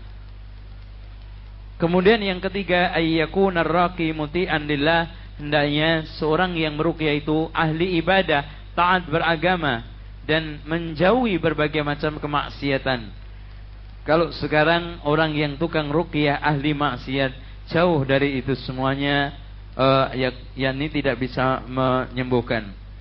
Kemudian kalau seandainya sekarang tolong dihati-hati yang sakit perempuan jangan sampai terjadi khalwah alias berdua-duaan dengan yang kita sembuhkan harus disertai dengan mahram dan aurat seluruh tubuhnya harus tertutup rapi. Usahakan apalagi orang yang sedang kesurupan itu biasanya gerak-gerak jangan sampai terbuka auratnya. Maka Syekh At-Tayyar menyarankan barang siapa yang belum nikah jangan sekali-kali merukyah Kenapa? Kalau belum nikah itu sulit mengendalikan dirinya dan masih rentan berbagai macam gangguan. Itu ya. Kemudian yang selanjutnya nomor lima hendaknya seorang yang berukia terus menjaga bersuci baik dari hadas besar maupun kecil. Jangan sampai merukyah dalam keadaan kentut atau berhadas karena itu lebih dikabulkan oleh Allah Subhanahu wa taala. Sebelum sebelum dia meruqyah hendaknya seorang roki mendiagnosa dulu, mendeteksi dulu sebab asal usul sakit orang ini. Jangan-jangan dia kesurup bukan kesurupan tapi stres. Ya, harus ditanya dulu, dicek dulu eh, gejala-gejala uh, pada saat tidur bagaimana, gejala-gejala pada saat bangun bagaimana, terus kemudian dia itu suka pemarah enggak, kalau ketawa ngakak enggak dan yang lainnya ini semuanya kalau memang ada kita mulai rukyah. Karena pernah pengalaman kecolongan kita sedang merukyah orang tetapi kita tidak tanya penyakitnya dari mana asal usulnya langsung kita rukyah. Ternyata stres dua hari tidak minum pil stresnya itu. Sekarang kumat. Ya ini pak biarpun dirukyah sampai katam Quran nggak sembuh sembuh malah niruin ketika itu niruin saya baca ayat kursi dia baca juga.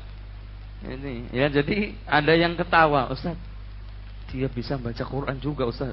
Jinnya aneh ini Ustaz. Itu terus saja dibaca. Kok semakin cengar cengir. Akhirnya kita berhenti kepegelen ya. Sampai keringat ini ya. Terus akhirnya tanya ini gimana sih Pak sebetulnya? Ini kan ceritanya gini Pak Ustadz Ini dua hari sudah nggak minum pil stres. Waduh. Udah udah pulang deh. Ayo pulang pulang Ya. Ini nggak bisa dirukyah. Hendaknya seorang rukyah harus amin, amanah. Amanah artinya kalau melihat sesuatu gejala-gejala yang aib, tidak gampang menceritakan kepada orang lain. Dan juga hendaknya dia seorang yang betul-betul nasih, ikhlas. Ya, kalau ada apa-apa, uh, dia tidak gampang untuk memfonis ini memfonis itu dan mencela ini mencela itu artinya kita ruqyah. Nah sekarang setelah itu bagi orang yang diruqyah. Bagi orang yang diruqyah hendaknya meyakini bahwa segala manfaat mandarat itu datang dari Allah. Jangan sampai meyakini bahwa itu datang dari orang yang meruqyah. Makanya uh, beberapa ulama di antaranya Syekh Abdul Aziz bin Bas, Dr. At-Tayyar mengatakan tidak afdol orang itu membuka biro ruqyah sehingga orang berdatangan. Itu nggak bagus. Ya. Ini pertama nanti akan muncul beberapa keyakinan. Wah ini orang paling memiliki kesaktian karomah tidak seperti yang lainnya. Dan yang kedua, akhirnya ada yang banding-bandingin, ah, di sana lebih bagus, lebih manjur daripada yang ini. Kayaknya ini imannya kurang kuat, di sana bagus. Kemudian hadirin sekalian, nanti menyebabkan hurur yang rocky ini. Wah, coba orang setiap hari ratusan datang ke rumah saya. Akhirnya mirip seperti dukun, apalagi pasang pasang iklan. Silakan bengkel apa ya? Aduh, kesindir lagi nanti uh, bengkel akhlak ya Anak saya juga mau buka bengkel akhlak ini ya. Bengkel akhlak dan rohani. Ini akhirnya hadirin sekalian nanti orang yang datang ke sana dia menyebabkan wah. Terus kemudian hadirin sekalian al istiksar nanti berlebihan di dalam mengambil upah daripada orang-orang yang diruqyah. Inilah yang membuka peluang-peluang madarat sehingga saya sarankan semua harus jadi tukang ruqyah. Udahlah nggak usah disarankan sana sini. Kalau ada orang yang sakit di sekitarnya, cepat digarap sendiri-sendiri. Kalau kita nggak berusaha untuk garap, wah saya belum memenuhi syarat Ustaz. Penuhi sekarang. Ya, penuhi. Kalau sekarang banyak maksiat tinggalin. Nggak bisa baca Quran, apalin. Baca tajwidnya, makrosnya, gitu dan seterusnya. Sehingga tidak ngandelin nunggu Ustaz sampai kadang pasiennya udah melilik-melilik begini nggak disembuh-sembuhin. Jangan lungruk ya sendiri-sendiri. Sehingga tidak ada kesan mirip dengan tandingan kan. Wah, kalau ada Ustadz si fulan yang bisa mindah ini ke sini, maka ini harus ada tandingannya. Sehingga tandingan dan ini kurang begitu bagus. Dan hendaknya orang yang dirukyah juga percaya yakin bahwa Allah lah yang memberikan kesembuhan semua itu. Ini kemudian yang ketiga hendaklah orang yang diruqyah juga taat kepada Allah dan tidak melakukan apa-apa yang menyebabkan Allah Subhanahu wa taala murka. Demikian hal-hal yang terkait dengan sihir kesurupan. Sekarang kita akan pindah ke dal ini e, dan kesurupan. Kita akan cepat pindah ke masalah sihir. Ehwa sekalian perlu diketahui untuk membedakan antara kiai, dukun, paranormal, terus kemudian orang pintar dan mungkin juga penyembuhan dengan Al-Qur'an. Di sini Syekh Abdul Salam Al-Bani membedakan kurang lebih 13 pembeda. Dari 13 inilah kita bisa membedakan apa pun bentuknya, ini dukun, ini rukyah dari Quran. Pertama kalau dukun, tukang sihir atau paranormal biasanya ketika mengobati awalnya bertanya kepada pasiennya nama dia dan nama ibunya. Nama kamu siapa? Terus kemudian ibu kamu siapa? Tuh sambil dipegang-pegang. Terus kemudian komat kami. Kemudian yang kedua, biasanya meminta bekas-bekas baik itu pakaiannya atau bekas kopiahnya atau kadang-kadang kacu, sapu tangan, kaos dalam, celana dalam atau BH. Itu diminta. Kemudian yang kedua, kadang-kadang minta kepada pasien untuk menyembelih hewan tertentu, baik ayam putih mulus atau ayam hitam mulus atau kambing atau kalau sekarang digarap sendiri, ya kambing disembelih alasannya itu cuma alasan aja Pak penyakit dipindah ke kambing itu cuma alasan itu sebetulnya begini jinnya itu mau menyembuhkan dengan syarat minta disembelihin kambing. Cuman orang dibikin pantas ada pengobatan alternatif pemindahan penyakit ke kambing. Padahal transaksinya ke de, ke mana ke jin sana itu, saya mau bantu kamu asalkan kamu mau menyembelih kambing, saya mau bantu kamu asalkan kamu bisa menyembelih kebo, atau kalau memang bisa manusia. Ya, semakin hebat persembahannya, semakin hebat juga bantuannya. Dan saya katakan semakin kufur, semakin cepat bantuan. Makanya saya dulu diberitahu karena kiainya nggak mau ngajarin. Diberitahu sihir yang paling mantap adalah orang tersebut make e, dalam keadaan junub Quran mushaf didudukin dibaca mantranya. Itu sihir yang paling bagus. Sekali tembak tembus. Jarang yang meleset, tetapi pelakunya kufur.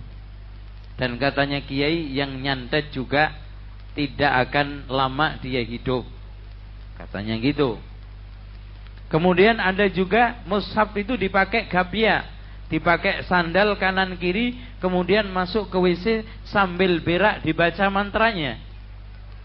Ini juga cara-cara untuk uh, mensihir.